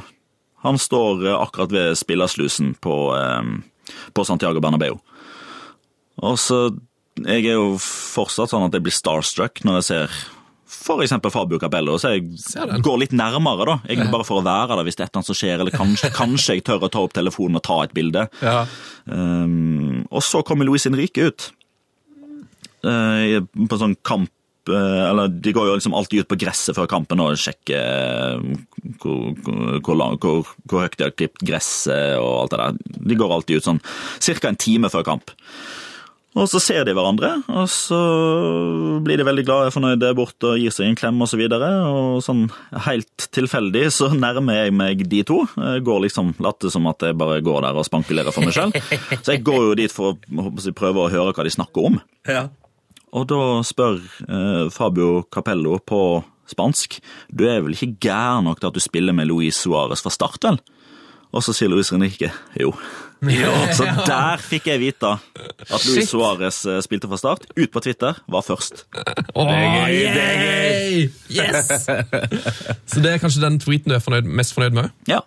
Ja, det skjønner jeg. Det er gull. Jeg må bare si tusen hjertelig takk til dere 100 folk som har eh, sendt inn lytterspørsmål. Vi rekker dessverre ikke alle, men eh, fantastisk. Bare fortsett med det. Bare fantastisk. med det. fantastisk. fantastisk. Heia fotball! Oh yes, oh yes. Da er det klart for ukas drømmelag. Vil du hoppe rett på det, eller trenger du noe å drikke, Petter Wæland? Eh, Jeg har faktisk noe å drikke, jeg. Jeg drikker jevnt og trutt her. Så bra, så bra.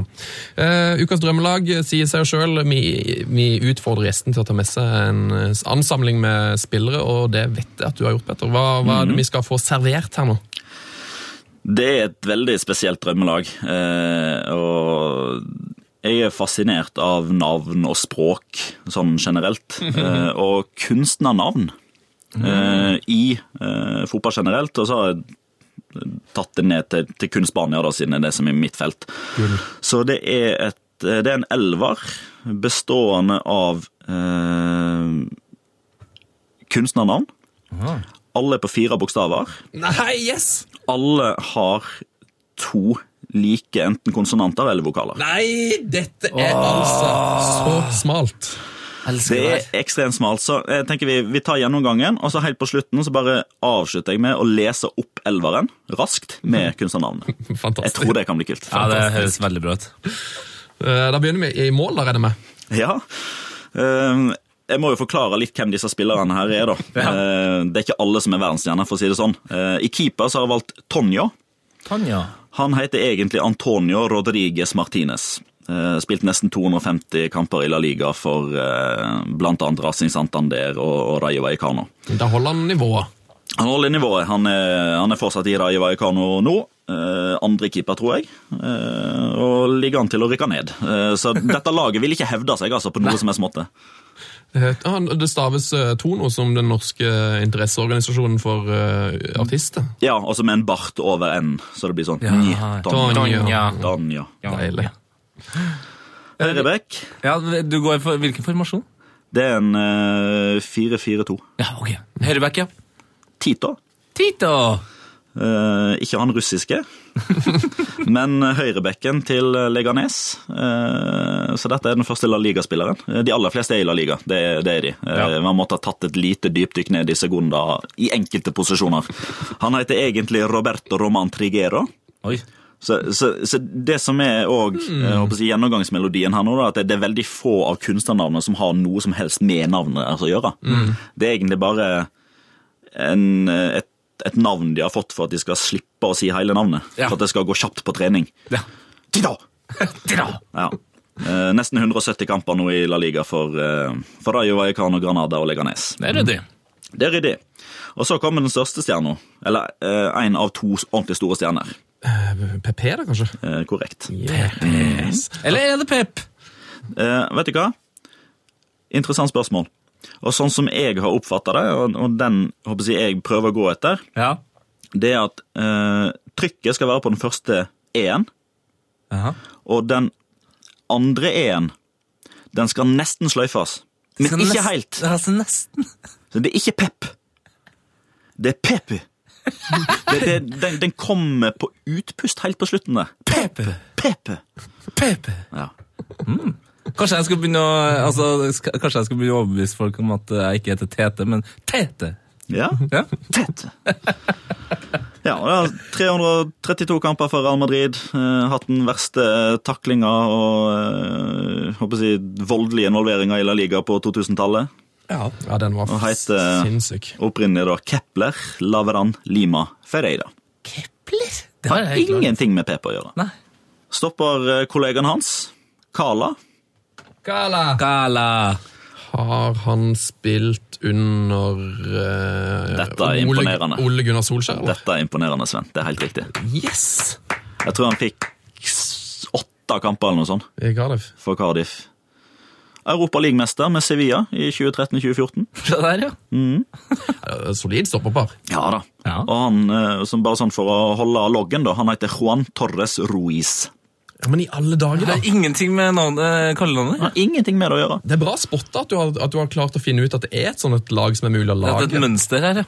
Jeg, hadde, jeg tror jeg hadde bare PP eh, som mulighet når jeg hørte Det må du jobbe litt med. Så. Ja, det må jeg. det må jeg. Vekk. Eh, Venstrebekk, Nano. Nå, Nano. nå- Eh, tre sesonger bak seg i Panathinaikos, så han eh, har jo fått eh, en del europacupkamper osv. Han, han er vel kanskje den minst kjente. eh, og i passet hans så står det Mariano Gonzales Maroto. Nå er det gammel fotballmanagerkunnskap, men var det Nano i Barcelona på rundt år 2000 som var wing, og er det han samme, eller? Det er ikke han samme. Nei. Det er det ikke. Nano. Nano. Mm -hmm. Um, Høyrekant, Momo. Han, han spiller for Las Palmas. Eh, Så han er blant de bedre på dette laget. da Han har spilt eh, over 100 kamper i La Liga. Kommer fra en ordentlig fotballfamilie. Eh, Og heter Geronimo Figueroa Cabrera. Ja, der er det iallfall et Mo. Ja. Der er det en Mo. Geronimo. Må. Men han heter liksom ikke Morten Olsen Morten Olsen. Nei, han er ikke det. Mange av disse har kulere navn i utgangspunktet enn kallenavn òg. Ja. Kepler og Geronimo. Sånn det er feil. Og så kjører vi en eh, venstre sentral midtbane. Doda. Doda. Doda. Det er jo et kjent navn. Ja, eh, han har over 350 kamper i La Liga nå, så han, eh, han har nok de fleste i hvert fall sett eller hørt noe om. Eh, Sergio Paulo Barbosa Valente. Barbosa Valente. Ja, Deilig. De har, så, navn, altså. de har så bra vanlige navn. Ja, men vet du hva? Det beste vanlige navnet det kommer på nestemann. Å? Han er den mest kjente sammen med Pep. Kåke. Kåke, ja. Ja. Trenger ikke så veldig mye nærmere beskrivelse, men eh, ja, over 300 kamper for Atletico Madrid i en alder av 25.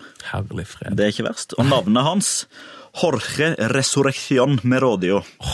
Resurrection, ja. Og resurrection, det betyr eh, på mange måter en gjenoppstandelse, altså gjenfødelse. Resurrection, ja. For et navn. Fy faen!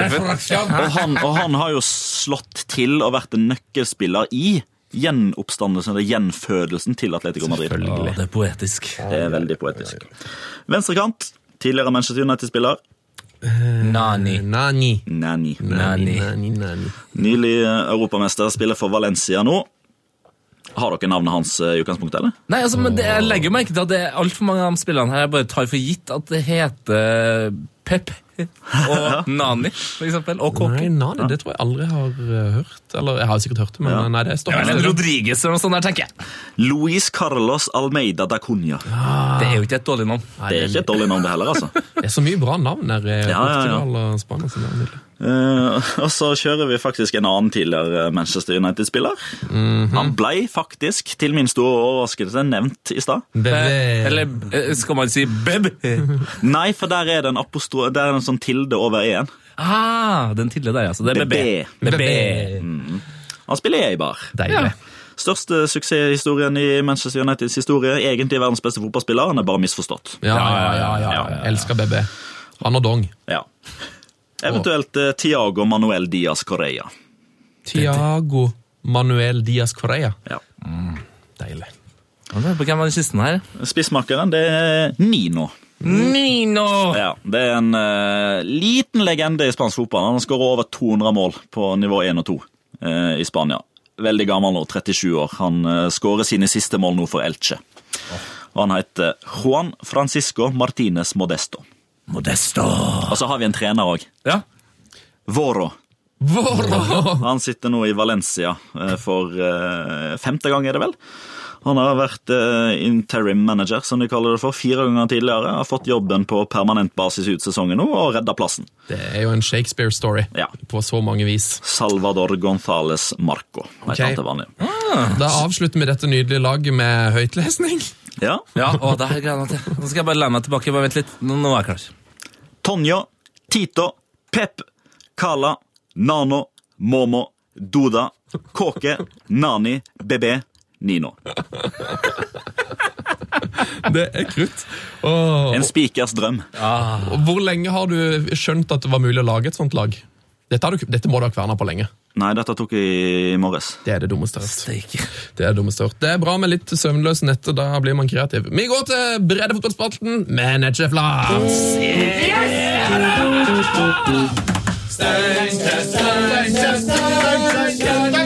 Ingen som er sånn fotballag som vi. Gå nå på, så skal de slå.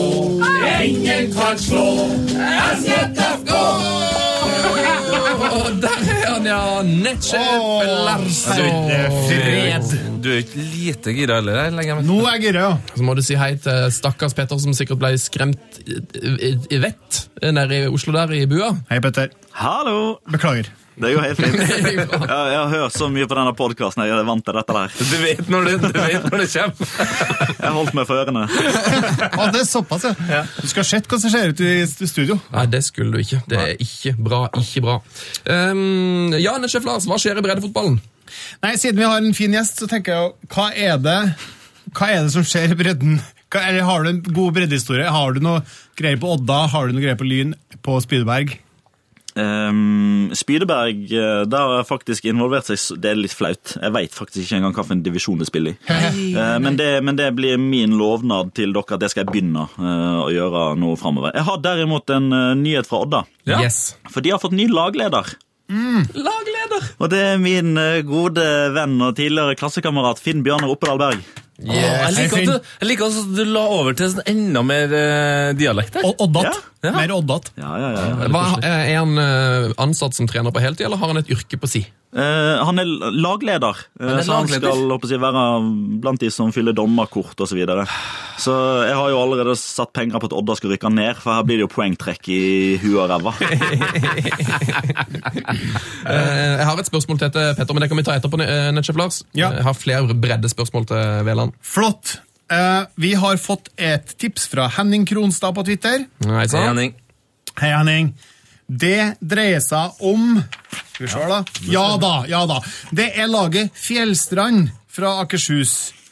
De driver på på Tangoddneset, Nesodd uh, Ja, ja, nedpå ja. der. Fjells, Fjellstrand camping. Fjell, ja. Er det ikke ja, nei. Ja. Nesodden, vi fortsetter. I hvert fall. Eh, Amta, eller Akershus, Akershus Amtstidene, som avisa heter, skriver her. Fjellstrand sportsklubb eh, har tatt sosiale medier i bruk, for eh, å få medlemmene sine på trening. Jon Bach ble etterlyst via Instagram og Facebook, da de ikke har sett ham på kamp eller trening siden i fjor. Fjellstrand er i dag femtedivisjonsklubb.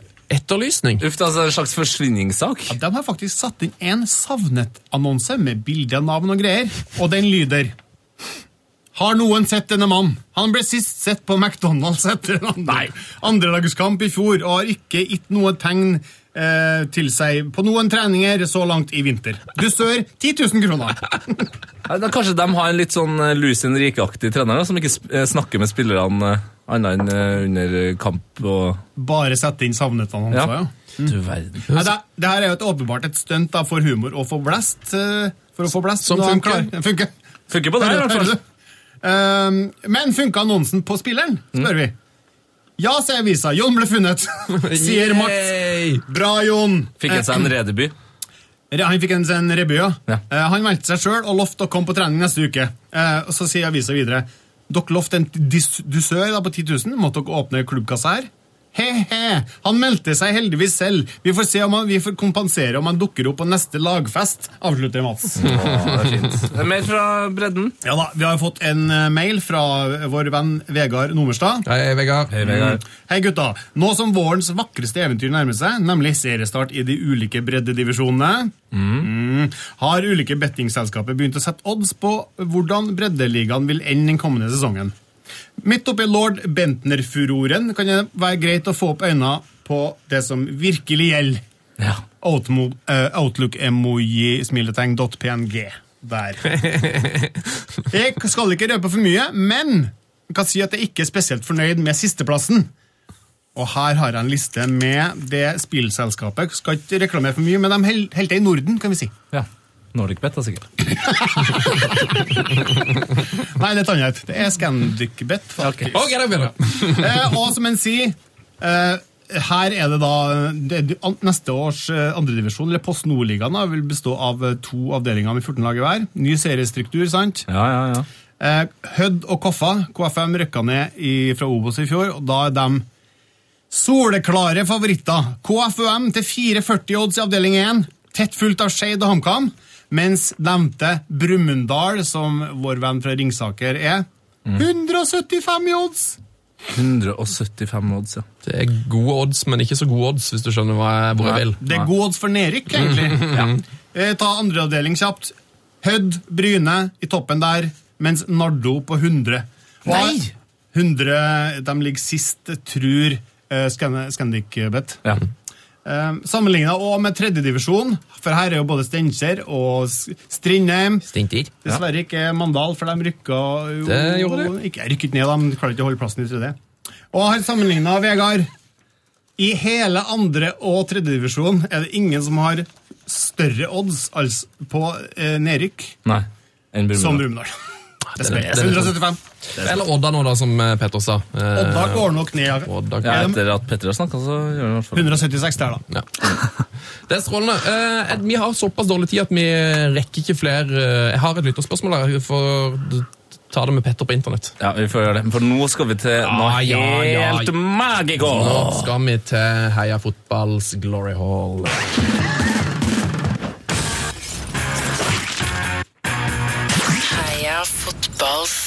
Glory hall. Oh, yes, velkommen til Fotballs Glory Hall. eh, Plassen som er grønnere enn trynet til Sven på en eh, sen lørdagskveld.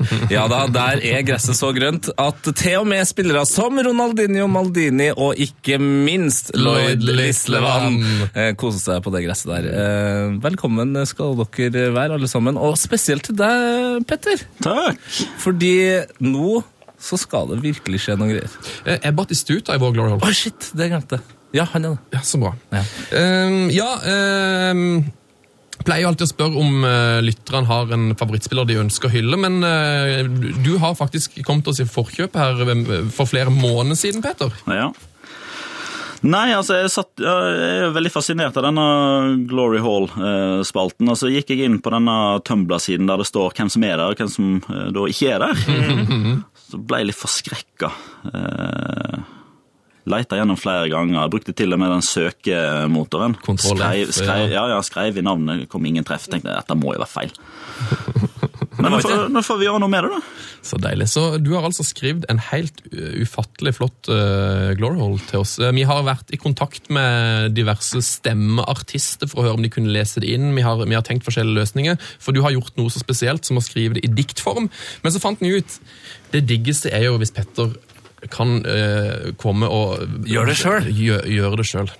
Så nå er en, et historisk øyeblikk. eh, Første gang i Heia Fotballs historie at en eh, gjest har med seg et selvskrevet Glory Hall-dikt eh, som skal framføres. Er det noe du føler må sies før du setter i gang, Petter? Nei, eh, men eh, man kan jo bokføre at det er første gang eh, at jeg skal fremføre noe som helst. Jeg føler, jeg føler som at det står på et litteratursymposi for første gang. Jeg er dritnervøs. Ja, det, vi, har, Både jeg og Sven og Lars har krøkka oss gjennom godt over 100 glory holes, så det, det er bare å, å bare Pust dypt, kos deg. Du har skrevet noe helt vakkert. Tenk på det. Vi prøver. Da sier vi bare scenen er din, Petter Wæland. På et gress som er så grønt og deilig at du kan spille barfota, sammen med legender som Berkamp, Lislevann og Batistota, er det på tide å innlemme medlem nummer 117, som helt siden 2002 har vært ordentlig i døtten. Han var ikke mer enn tolv år da turen gikk til La. Siden har han trollbundet kristner, jøder, sunni og shia. Begynnelsen var ikke bare prega av fryd og gammen. Han savna mor og far, og han kjente litt på skammen. Skammen av å forlate familien og det trygge i Albacete. Men for å kunne bli best måtte han ut og lete. Ut og lete etter inspirasjon, forbilder, motivasjon og håp. Om en gang å kunne oppleve å få sin store ilddåp. Og debuten kom en novemberkveld på Jan Breidel stadion i Brygge. Og sjøl vår egen store Bengt Sæternes ble plassert i hans skygge.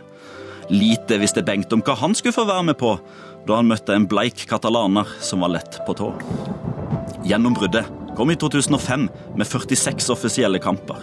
Motspillerne de sto igjen med kvalme, whiplash og kramper.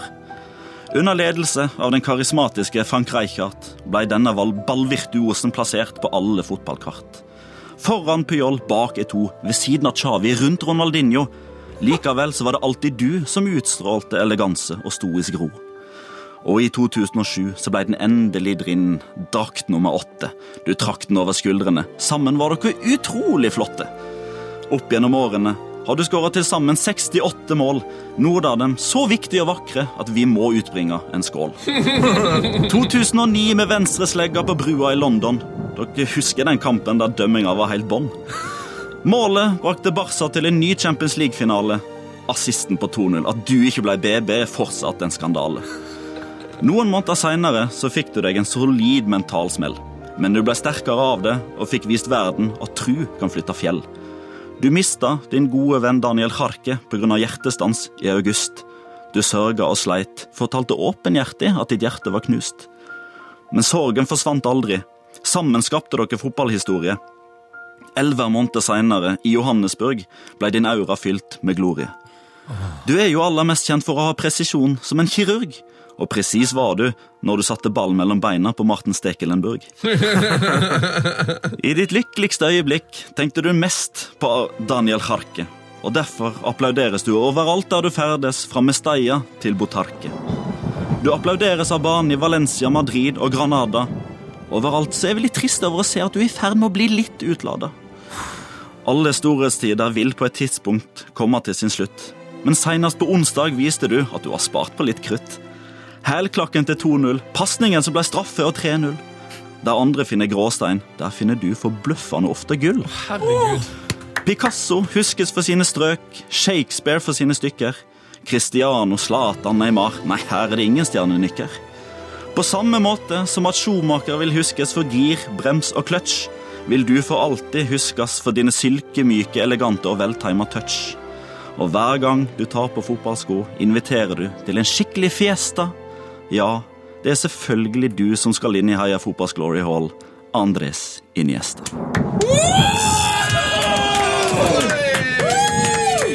Fy Fader, altså! Og gåsehud herfra til himmelen. Wow! Også, også så bra lest! Så bra lest! Ja, nydelig lest. Og uh, altså, det er jo ikke noe rart du har stått opp i hele natt uh, for å smelle inn uh, de nydelige detaljene fra gårsdagens Nei, sinnssyke og så måtte jeg gjøre litt om på begynnelsen òg, for jeg hadde jo egentlig tenkt å ta denne her eh, rett etter at han ble skada mot Valencia i november eller noe sånt. Så da hadde jeg jo en sopedes, og nå må det ferieres og alt sånt, så jeg måtte jo eh, Jeg måtte gjøre litt om på begynnelsen. Ja, men altså, eh, Fra Michael Schumacher, giring og clutch, til en nydelig touch. altså det, det uff. Min første tanke er at dette må jo ut i, i, Ja. i bokform. Et lite hefte. Nei, det var utrolig vakkert, uh, Petter. Takk for det. Ja, altså Så ufattelig fortjent. Ja, herregud. Andres Andres yes. Den, eh, du, du nevnte jo her, den klakken i går. Altså, det, altså, eh, altså, En ting er det at han klarer det. En annen ting er at han finner på at han skal gjøre det. Ja. Det er det som skiller Andres Sinesa fra ganske mange andre. Ja, for han, Altså- tenker, han tenker vel at det er større sjanse for at det blir mål hvis jeg gjør det, enn at jeg bare lar den eh, trille ut. Ja, så klart, Så klart han, han, han kunne jo kanskje prøvd å få kontroll på ballen òg. Men, men hvis han får kontroll på ballen der, så har han fire mann mellom seg og eh, mållinja, og det er fire-fem meter eller noe sånt. Det er genialt. Det er ikke noe annet å si enn at det er genialt. Det er du òg, Petter Wæland. har vært en helt fantastisk genial gjest. Eh, vi kan ikke gjøre annet enn å si takk for at du kom. Takk for at du brukte masse tid på oss. Eh, at du sov på en sofa ved gjest. helt rått. Eh, ha en strålende fotballhelg. Takk det samme. Du, vi eh, snakkes. Heia fotball. Heia fotball. Oss fotball. Frank de Boer speelt de bal. Heel goed naar Dennis Bergkamp. Dennis Bergkamp. Dennis Bergkamp neemt de bal aan. Dennis Bergkamp. Dennis Bergkamp. Dennis Bergkamp. Dennis Bergkamp. Dennis Bergkamp. Oh! Frank de Boer speelt de bal aan Dennis Bergkamp. Die neemt de bal feilloos aan. En ik schiet de bal erin. We spelen nog officieel 20 seconden. Dennis Bergkamp. P3s Heia fotball.